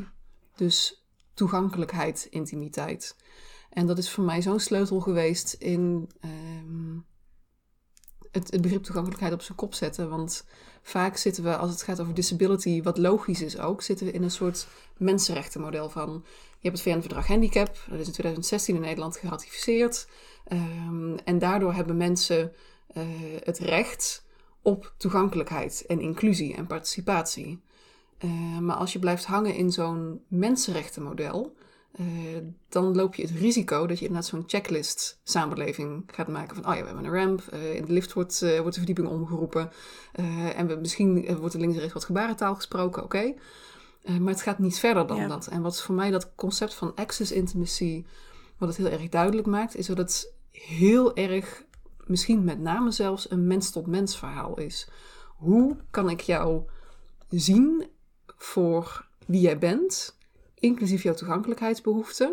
Geen special En hoe needs, maar verhoudt zich dat tot mij? Ja, die hebben we allemaal. We kunnen niet spontaan naar de derde verdieping van een gebouw vliegen, want we hebben geen vleugels. Dus eh, ook mensen zonder handicap hebben een trap nodig. Ja, het is heel revolutionair. Ja. Maar het is een vorm van intimiteit. En als je, dat, als je die ruimte kunt eh, creëren bij jezelf voor met elkaar, ehm, dat geeft een vorm van intimiteit. En dat gaat verder dan verzorging. Het gaat verder dan hulp. Het gaat verder dan, veel verder dan liefdadigheid. Ja. Ehm, Het is een soort- fundamenteel erkennen. Ja, voor mij is het ook een soort onvoorwaardelijke zorg voor elkaar. Precies. En dat het niet Ja. is dat jij je schuldig hoeft te voelen omdat je bepaalde behoeften hebt die andere mensen niet hebben. Zoals dat jij een toegankelijk toilet nodig hebt, of dat er een plek moet zijn waar je kan ontprikkelen. Of, een dat rietje om in te drinken. Precies, precies. Ja. Dat je je daar niet schuldig of een burden door voelt. Maar dat het heel logisch is en dat dat gewoon iets is wat bij jou hoort. En dat het niet alleen wordt geaccepteerd, maar ook wordt omarmd. En dat het wordt Ja. erkend dat dat is wat jij nodig hebt. Ik vind, ja, Ja. access intimacy, ik, eh, jij attendeerde me daarop, Eline, inderdaad. En het, ik las het stuk en ik dacht, dit is thuiskomen. Dit is woorden geven aan datgene wat ik voel. Bij sommige mensen heel erg en bij sommige mensen niet. En waar ik nu ineens een woord voor heb. Ja. Wat ik heel mooi vind hoe zij het omschrijft. Ze schrijft- Ze omschrijft als een long, slow exhale. Ja, Als prachtig. Echt prachtig. dat heel zijn. Dat heel on. kunnen zijn als mens. En dat bij elkaar, daar, daar bij elkaar, ja, holding space. Ik, ik weet nog steeds niet de goede Nederlandse Ja. woording daarvoor. Nee, maar ik voel het. En het hoeft dus ook niet te zijn van disabled persoon tot Nee, disabled dat wilde persoon. ik Ook ook met een al zeggen. non-disabled persoon kun je het hebben. Ja, ja, En het, het, het kan heel spontaan zijn ook. Wat kan het? Heel spontaan. ja, ja, absoluut. En ook juist sommige mensen die eigenlijk helemaal niet zo eh, bijvoorbeeld activistisch onderlegd zijn of zo, die dan heel goed al zo intuïtief aanvoelen wat het is dat jij op dat moment nodig hebt. En ik heb dat bijvoorbeeld ook als ik me als dik persoon in een ruimte eh, veilig voel. Ehm, want er zijn een heleboel ruimtes waarin ik me als dik persoon gewoon absoluut onveilig voel. En het kan ook zijn rondom mensen waar ik echt heel veel van hou, maar waarvan ik gewoon weet dat ze bepaalde ideeën hebben over dik zijn of nou, whatever. Ehm, maar dat kan op alle. Het is niet alleen inderdaad bij disability dat het plaats kan vinden. Het is gewoon dat gevoel dat je ergens mag zijn zoals je bent en dat dat oké is. Maar dan nog veel mooier worden aangegeven. ik zal het artikel daarover, zeg maar de introductie daarvan, zal ik even in de show notes uh, zetten. En dit brengt me eigenlijk ook bij um, waar ik het straks al ook even over had, de crib skills. Um, ik denk dat heel veel um, disabled mensen over een bepaalde set skills, vaardigheden beschikken, waar een heleboel non-disabled mensen nog wel iets van kunnen leren. Um, en Dine, zou jij misschien uit willen leggen wat zijn crib skills precies? Want je hebt er een prachtig artikel over geschreven voor Lilith. Dat kwam uh, vorig jaar, of nou, 2020 maart kwam het uit. Het heet een ode aan crib skills tijdens het coronavirus. Um, ja, je hebt daar een aantal prachtige dingen in genoemd, maar wil je eerst uh, misschien vertellen, wat, wat is een crib skill? Ik denk in een notendop. Uh, een crib skill wordt ook wel een disability gain genoemd. Uh, dat vind ik ook een mooi woord, omdat het iets is. Een gain, je, je, uh, je krijgt iets erbij, ehm, omdat je geconfronteerd wordt met disability. als je disabled bent of wordt, zul je uh, creatief moet zijn. Disability is ook heel veel innovatie en pionieren. Ja. ja. Um, je zult uh, moeten denken, oké, ik was misschien wel gewend om 40 uur te werken van 9 tot 5. Um, ehm, maar dat lukt me niet meer, om welke reden dan ook. Um, hoe kan ik het op een andere manier doen? Het kan zijn, uh, we hadden het al even over uh, Shada's haar en hoe amazing het in vlechten zit. Uh, en dat het een soort voorbereiding is op een evenement wat gaat komen. dus ook plannen, op tijd al je prescriptions bij de apotheek indienen en ophalen. je eten uitplannen en hoe je dat, ja, hoe je dat strategisch doet. Dat zijn vaardigheden die je aanleert omdat je disabled bent of wordt. Um, en wat ik heel mooi vind is dat, uh, of ja, ik zeg mooi, maar het is ook schrijnend tegelijkertijd. Ja, Toen we vorig jaar in maart met z'n allen thuis kwamen te, te, zitten, iedereen, met iedereen bedoel ik nu non-disabled mensen, of not yet disabled mensen, die liepen tegen de muur op omdat ze dachten: fuck, ik zit in mijn huis de hele dag, ik kan niks, uh, ik mag niks, ik kan niemand zien, ik weet niet wat ik met mezelf aan moet. En als je ziet, of als je bedenkt dat er al decennia Crips zieke, neurodivergente mensen zijn die hier een weg in hebben gevonden. Die gemeenschap met elkaar maken op een digitale manier. Um, die voor zichzelf kunnen zorgen en uh, een joy in het leven kunnen vinden um, binnen die context. Dan doet het heel veel zeer om dan ineens opiniestukken te zien. Goh, we lopen met z'n allen tegen de muren op. Wat kunnen we doen met ons leven? En daarbij gewoon die vaardigheden die wij al lang geoefend hebben. Gewoon Vingers in de oren en niet naar luisteren. Die zijn er dan niet meer. Ja. ja. Dus dat is gelijk een hele verhandeling. Dat is helemaal geen notendop zoals ik heel vrolijk aan verhaal bedoel. Maar het zijn crib skills, zijn vaardigheden die je leert vanwege je disability. Ja. En um, welke crib skills van jezelf of van anderen koesteren jullie het meest? Het antwoord is ja, allemaal. als er een paar zijn die nu. Even, kijk, dit is slechts een momentopname, hè? Maar als er een paar dingen zijn die nu in je opkomen. Voor mij is dat bijvoorbeeld um, dat ik nergens zomaar vanuit ga. Dat ik niks aanneem, omdat. Kijk, soms sturen mensen mij bijvoorbeeld berichten die heel kort af zijn. Ik weet bijvoorbeeld niet of iemand. Um, gebruik maakt van uh, bepaalde software, waarbij het heel lang duurt, omdat iemand beperkte mobiliteit heeft, voordat diegene iets heeft ingetypt en diegene dus bijvoorbeeld maar hele korte woorden kan sturen. Of als ik niet meteen antwoord krijg op een vraag. Ik, het kan zomaar zijn dat diegene een chronische ziekte heeft en vandaag een dikke flare-up heeft, dat iemand in een depressie zit en een hele slechte dag heeft. Dus ik, ik, ik neem niet zomaar dingen aan. Um, en ook wat ik zelf heel erg mooi vind, is um, het vragen of iemand ergens ruimte voor heeft. En ik merk dat dat vooral bij disabled mensen al een heel gebruikelijk ding is om bij elkaar neer te leggen. Zo van, ehm, heb je ruimte om even naar iets over hierover van mij te luisteren? Of heb je ruimte om advies te geven? Ehm, en als diegene ja zegt van, oké, je mag het typen, je mag het inspreken wat je de minste spoons kost. Voor degenen die niet weten wat spoons zijn, check even de Spoon Theory van Christine Miserando, heet uh, zij volgens mij. Um, zijn er dit, dit soort bepaalde skills waarvan jullie zeggen, ja, deze crypt skill, die, die koester ik echt? Ik kan, uh, vroeger kon ik, uh, zodra ik mijn hoofd neerlegde, in slaap vallen. Oh, wow. Maar dat ben ik een beetje verleerd. Dus ik hoop dat ooit weer terug te krijgen. you want to regain the crypt skill. Maar dat is specifiek een crypt, crypt skill, omdat ik gewoon beperkte energie heb. Dus na een halve dag ben ik gewoon al door mijn energie heen en kon ik vroeger dus, zodra ik lag, in slaap vallen. Maar een andere crib skill die ik, uh, waar ik heel blij mee ben, is dat ik heel goed kan anticiperen. Ten opzichte van mijn non-disabled. Yep. Uh, counterpart, want ik moet al tien stappen vooruit denken om überhaupt te kunnen navigeren in deze yep. wereld. Dus ik denk al tien stappen vooruit. En dat is heel vermoeiend. Maar ik ben wel blij dat ik die. Dat zit er gewoon automatisch in. Ja, ja. En uh, voor jou, Eline? Ik vind het rusten wat Shada zegt heel mooi. Als het, als, het, als het lichaam het aangeeft, dan moet je gewoon alles uit je handen laten vallen wat je vast hebt. En gestrekt gaan. Ja. Uh, en dat kan op de meest onhandige, rare, tussen aanhalingstekens, momenten en plekken zijn.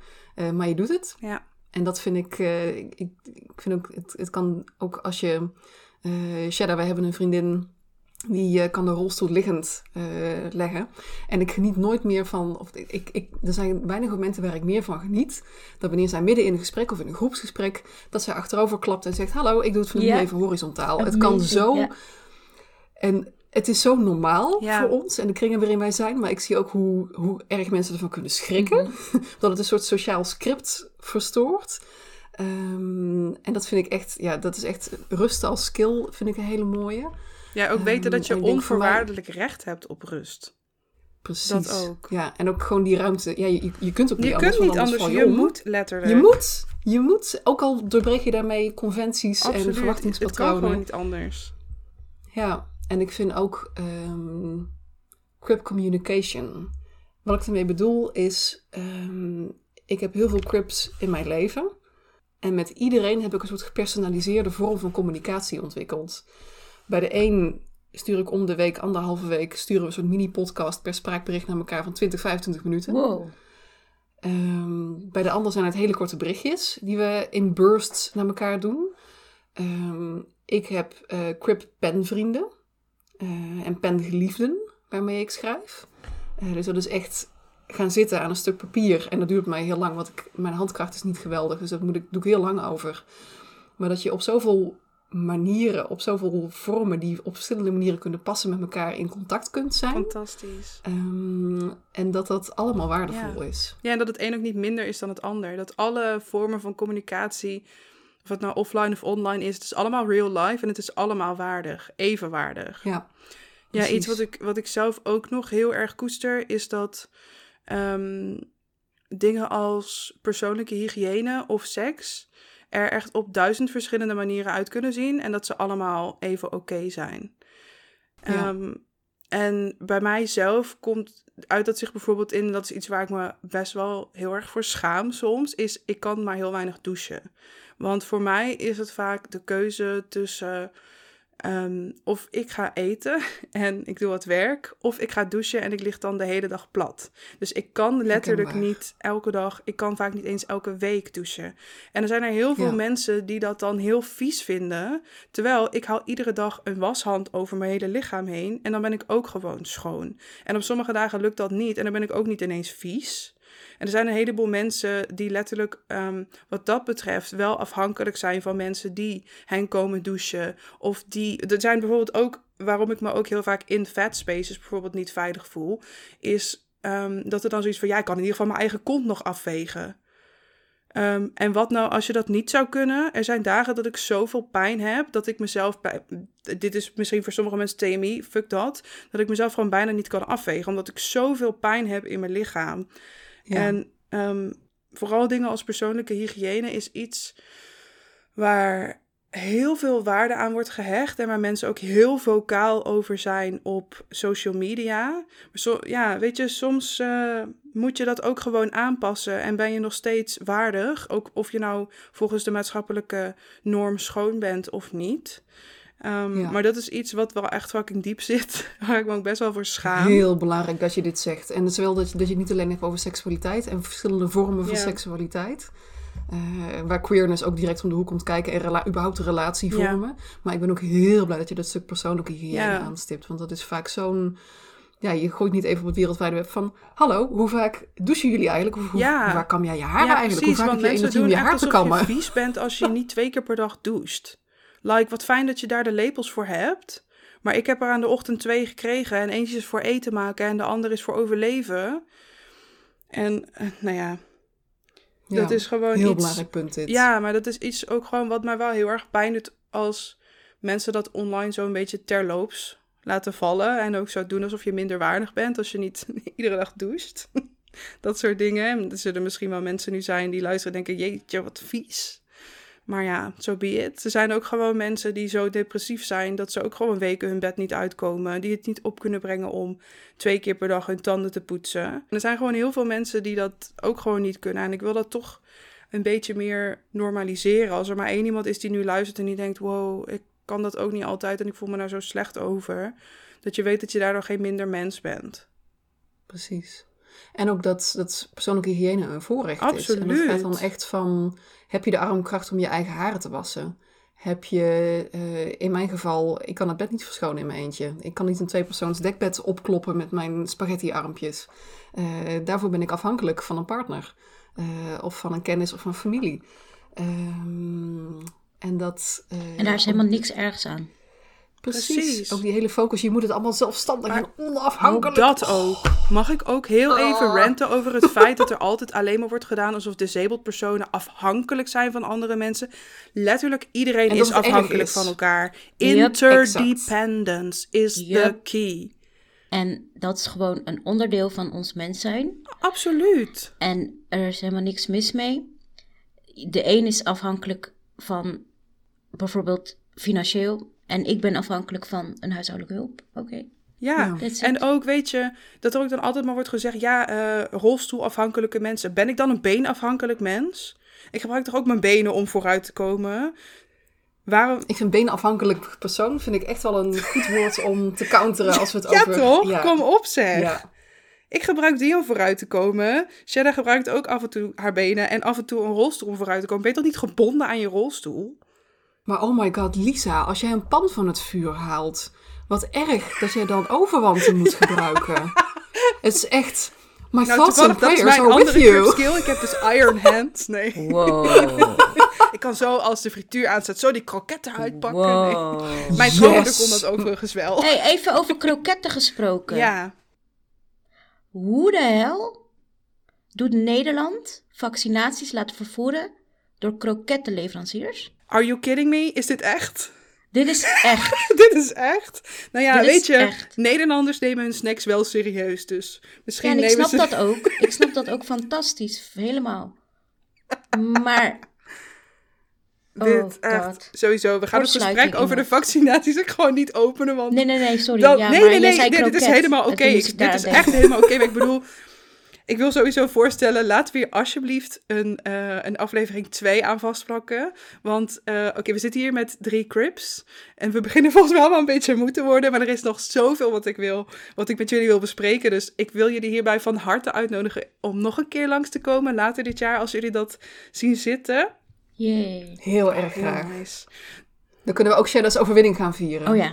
Oeh. Oh, yes! We komen sowieso in de Tweede Kamer. Dat is een feit. Hey, maar ehm, dan wil ik als, als laatste vraag voor nu. Voor we over een tijdje verder gaan met dit gesprek. En we waarschijnlijk weer allemaal nieuwe ideeën op hebben gedaan. En Shada nog veel verder is in haar persoonlijke ontwikkeling. En Eline nog meer bloot heeft gelegd van de historie van eh, Nederlandse disability Oelala. communities. Can't En wait. ik waarschijnlijk ook nog dingen doe, zoals kroketten eten. Oeh, lekker. Ehm, ja, daar heb ik nu Vooral wel echt zin in, maar die heb ik niet in huis. nu heb ik zin in kroketten. Ik ook. Sorry.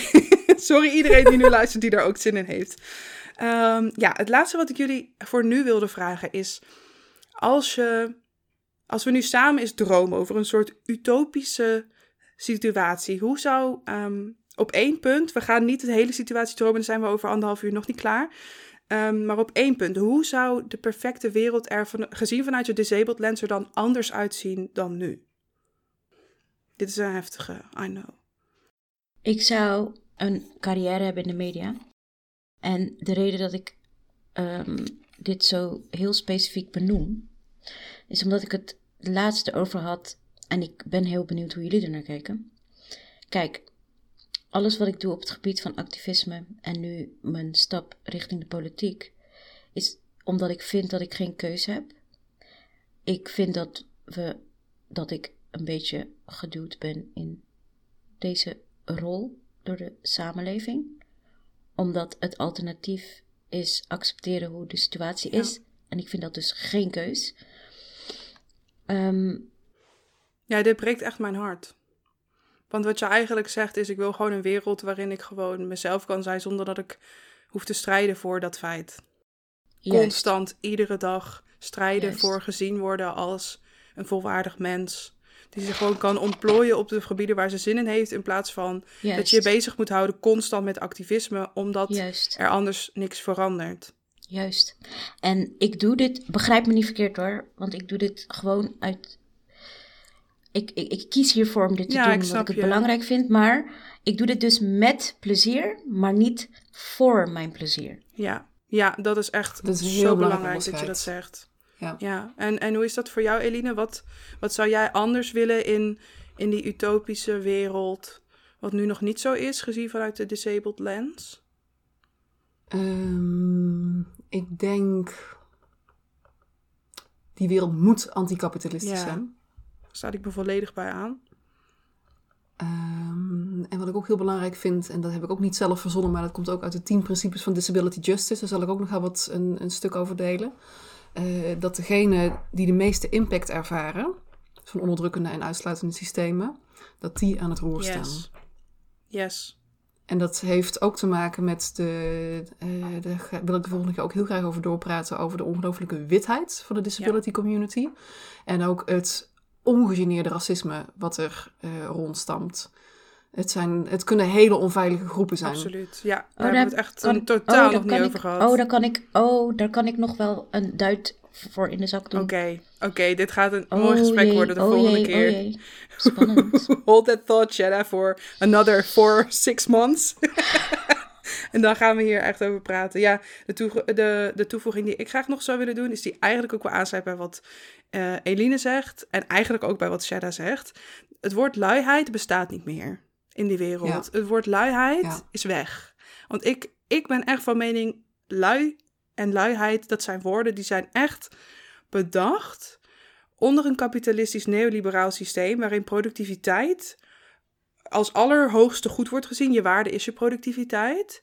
En het wordt gebruikt om mensen een schuldgevoel te geven als ze niet bezig zijn, waardoor we altijd maar bezig moeten zijn van onszelf. En onszelf constant maar vertellen dat als we niet hard genoeg werken en we niet genoeg verdienen en bla bla bla, dat het dan allemaal onze eigen schuld is als we een kutleven hebben.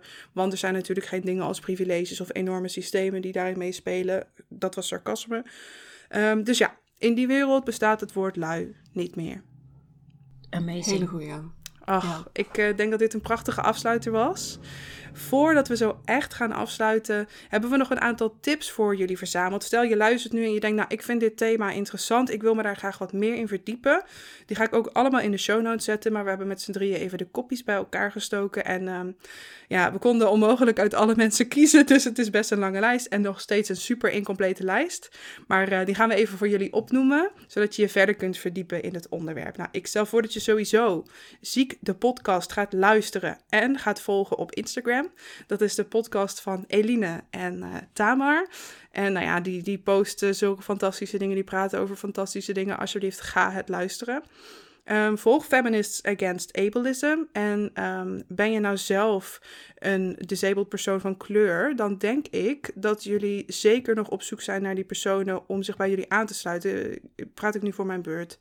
Ik denk dat het heel goed is dat je het aanhaalt. Um, ik denk dat het heel belangrijk is om hier transparant te zijn. We zijn grotendeels wit. We hebben een paar leden van kleur, geen zwarte leden. Ehm, maar voordat we mensen in die space gaan trekken, aan hun haren al dan niet, eh, willen we werken aan onze eigen ehm, witte suprematie tendencies, uh, structuren. Uh, ik kan met heel veel trots zeggen dat we met een projectgroep bezig zijn om Me and White Supremacy van Leila Saad door te werken. Um, om dus ook uh, heel erg de blik naar binnen te richten van oké, op wat voor manieren maken wij het een onveilige space. Um, dus ja, natuurlijk, mensen van kleur die luisteren die disabled zijn, zijn meer dan van harte welkom. Uh, en tegelijkertijd uh, wil ik ook duidelijk maken dat het een work in progress ja. is. en dat het ja, in die zin nog geen safe space is, maar dat we eraan werken absoluut om het een safer space te Mooi. maken. Dankjewel voor die toevoeging. Ik vind het trouwens wel een safe space. Want ik hoorde je zeggen, het is nog geen safe space. Maar dat is niet, niet, niet waar. Maar safer kan het zeker. Maar het is wel een safe space. Mooi. Ja, mooi ik vind het een safe space, echt waar. Nou, dat is dus denk ik een prachtig compliment ook voor heel Feminists Against Ableism. En Ik sowieso ben bijna aan het huilen ook. alle... Echt sowieso. Oh. Ik wil eigenlijk gewoon bijna iedereen noemen die gewoon is aangesloten bij Feminists Against Ableism. Want, oh kijk, ik ben zelf... Oh, Shada, echt, ik stuur je zoveel liefde toe. We Ik doen wel zo- straks even het scherm eh, knuffelen. Ja, Zoals doen Eline we. net deed. Doen ja. we. Let's, let's. Ehm, ja. ik ben zelf geen onderdeel van Feminists Against Ableism, want haha, surprise, ik ben ook wit. Dus jullie hebben niet nog meer van mij nodig op dit moment. Maar gewoon alle individuen die samen Feminists Against Ableism vormen, hebben mij vanaf moment één zo enorm welkom geheten. Ik ben thuisgekomen bij jullie. En het is echt niet zo dat ik best friends forever ben met iedereen.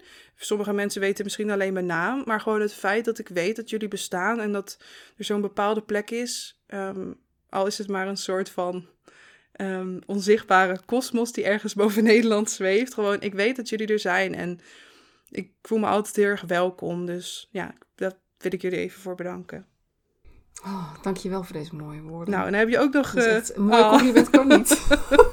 Liefde voor jullie. En dan heb je ook nog eh, actiegroep Geen Doorhoud. Voor mensen die zich echt, eh, ook echt in willen zetten nu tijdens de coronacrisis voor personen met een disability. Of je nou zelf wel of niet disabled bent. Stel dat je denkt, ik wil iets doen. Nou, ga bij die actiegroep, want die zijn echt fantastisch bezig. Ehm, het boek, ik noem het al even in de aflevering, Care Work van Lea Lakshmi Piepsna Samarasinghe. Echt een fantastisch mooi boek. Ik ben, ik ben hem aan het luisteren. Hij staat op Storytel, maar hij is ook gewoon in, ehm, in, eh, als paperback volgens mij te koop. In ieder geval als fysiek boek. Ja. Ehm, Haar poëzie is trouwens ook... ik kan het maar echt helemaal voor. Sowieso zoek Lea Lakshmi gewoon op. Echt fantastisch Ja. mens. En heb je nog het boek Disability Visibility, van, eh, die is samengesteld door Alice Wong. Dan heb je nog Sitting Pretty, The View from My Ordinary Resilient Disabled Body van Rebecca Tosick. Ook te luisteren op ook als fysiek boek te krijgen. En eh, dan wil ik nog eventjes eh, een van Shada's eh, fantastische toevoegingen droppen. En dat, is namelijk, dat zijn de twee gesprekken Doof in Nederland van Bijeen, onder leiding van Jeanette Shedda en Nihal Esma Altmis. Die kun je terugkijken via de Facebookpagina van Bijeen. En, en dan heb je ook nog de docu Crip Camp op Netflix. En die gaat dus heel erg over de, de geschiedenis van de disability rights beweging in de VS. En disability rights, disability justice zijn dingen waar we, denk ik, in de volgende aflevering van dit gesprek eh, ook nog wel wat dieper op in zullen gaan. Eline, Ik hoop het. drop je tips. Ah, ehm, wat ik heel graag een shout-out wil geven is eh, de artikelen over disability en validisme op One World. Eh, significant daar, deel daarvan is geschreven door Xandra Koster. Ook, ook, Eh, ook. Er zijn ook. Er zijn ook meer stukken, die zijn allemaal aan te Ja, raden. klopt. Eh, daar kunnen we ook wel een mooie bloemlezing eh, uitmaken Mhm. voor jullie. Ehm, verder de Online Disability March is de afgelopen twee jaar geweest eh, in aanvulling op de Women's March. Omdat marchen en protesteren fysiek in Amsterdam lang niet voor iedereen haalbaar is eh, die disabled is. Eh, er is een online disability march. Dit jaar vanwege corona eh, vindt de Women's March ook volledig online plaats. Dus dit jaar zullen we waarschijnlijk niet heel veel ermee doen. eh, omdat we aan kunnen sluiten bij de mainstream. Maar zoek die pagina op, zowel de webpage als de Instagram pagina. Ehm, omdat er ook verhalen worden gedeeld, foto's worden gedeeld, perspectieven worden gedeeld. Die ehm, over het algemeen niet voor het voetlicht worden gebracht. Dus doe jezelf een plezier, ga dat volgen. En eh, ik heb nog duizend en één dingen te delen, maar ik denk dat het belangrijkste waar ik mee wil afsluiten is de eh, groep Sins Invalid. Eh, dat is een Amerikaanse, ehm, ja, het is een gezelschap ga ik het maar gewoon noemen. Black, queer, trans, led, allemaal disabled. En wat zij doen is, zij publiceren manifesten, zij doen performances. Het is, um, het is eigenlijk niet in woorden te vatten. Nee. Dus ook hier doe je zelf een plezier ja. en dompel je daarin en onder. check ook echt in, die site, in hun want er staan echt zulke goede artikelen op. Zoals uh, staat het over disability justice. Volgens mij is dat ook door hun gecoind, toch? Onder Zeker. andere. Ja, de tien principes van disability justice is van een van hun grondleggers. Ja, precies. Ja. En er zijn ook hele uh, mooie artikelen over op, uh, op hun website. Since Invalid. Definitely. En Shada, Ja. wat zijn jouw toevoegingen? Ik kon echt niet kiezen. Maar Ik ook niet. Ik, ik ga. Ja, nee, echt niet. Ik, ehm, maar ik ga dus drie eh, mensen noemen die online erg actief zijn. Alle drie OI hebben. Eh, de eerste is Shani Danda. Dat is een disability justice advocate ehm, in Londen. ehm, die zich voor.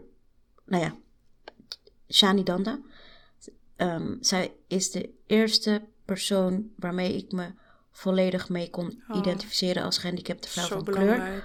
Omdat ze South Asian roots heeft. Yes. Dus dat is de eerste. Ehm, Ik krijg het kippenvel als je dat zegt. Ja, hè? het is zo de eerste, belangrijk. vrouw, de eerste vrouw waarmee ik me identificeerde. En dat ik denk, daar heb je bijna 30 jaar op moeten wachten. in 2019 was dit. Het is echt Praise een the Lord groot for internet. onrecht. Ja. De tweede is eh Tough Cookie Tea. Eh, dat is een super grappige eh OI'er, ook uit Londen. En ik, ehm, ja, als je een OI'er wilt volgen die met zoveel plezier en ehm, hoge entertainmentwaarde content brengt, is het echt eh, zij. En deze ga jij interessant vinden, Eline. Misschien heb je deze gezien.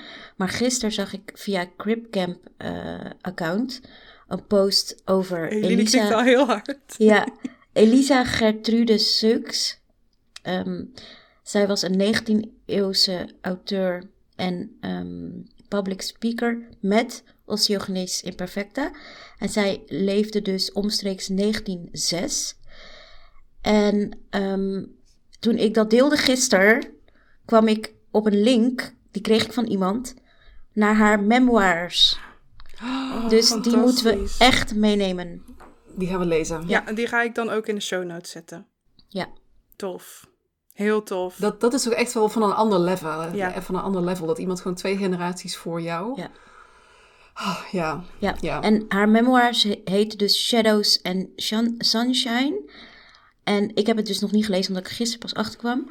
Maar ehm, dit was gepost in het kader van Black History Month. En Cripcamp doet dus, want dat is heel februari. eh Cripcamp doet dus aandacht besteden aan disabled black people. Heel nice. En als laatste toevoeging, die ik straks niet had gezegd, maar die ik wel heel belangrijk vind om te noemen, is Crutches and Spice op Oh my Instagram. god, ja, Oh, absoluut. Imani fantastisch. is... eh, Echt. ja, wij verdienen Imani. En sowieso, als je wa- wat verder bent in een, het, eh, het volgen van disability eh, justice advocates, is het ook goed om mee te krijgen wat er in Amerika speelt. Want daar zijn ze in het gesprek al zoveel verder.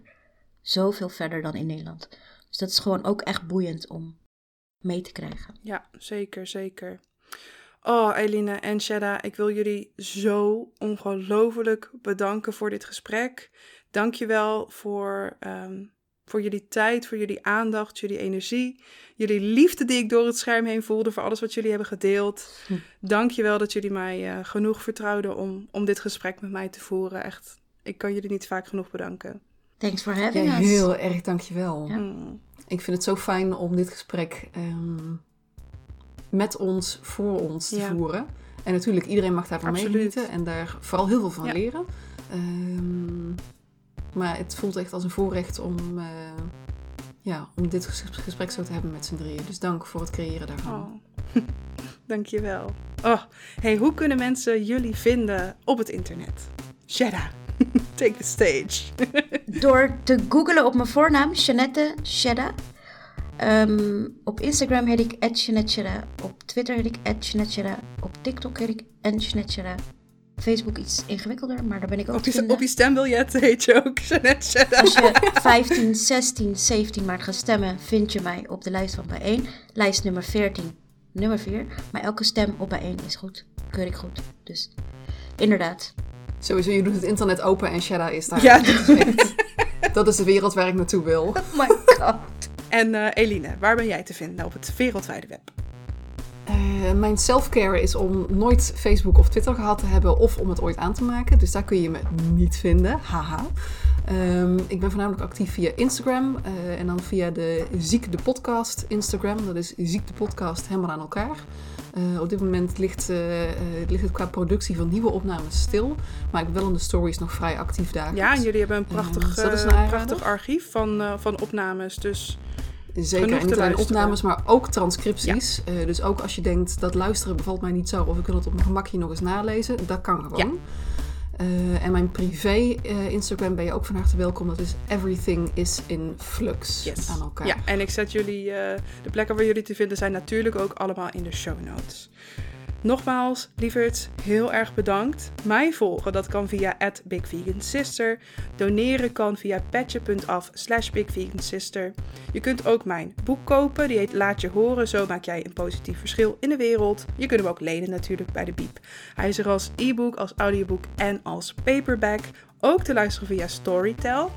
Mij mailen kan via lisa.bigvegansister.com. Vergeet je vooral niet te abonneren op de podcast. En eh, tot de volgende. Doei doei.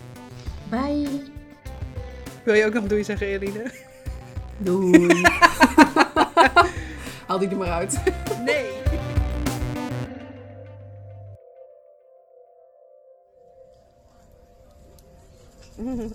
Dear society, no, wait. This is for my disabled community. Dear disabled community in the Netherlands and everywhere else in the world. I am sitting here before you today to prove our humanity to society.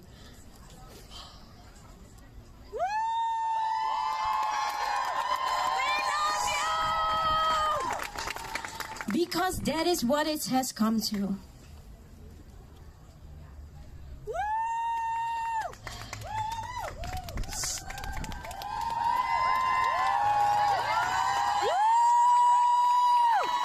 You got this! Woo! You got this! You got this!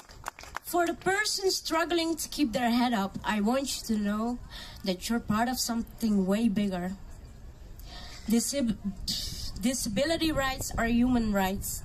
We are entitled to our disability rights. We are human. We are proud. We are worthy of love. We are rulers. We are fierce. We are passionate, we are strong, we are resilient, we are worthy, we are bright, we are beautiful, we are sexual, we're, we are vulnerable, we are enough, we belong, and we are here.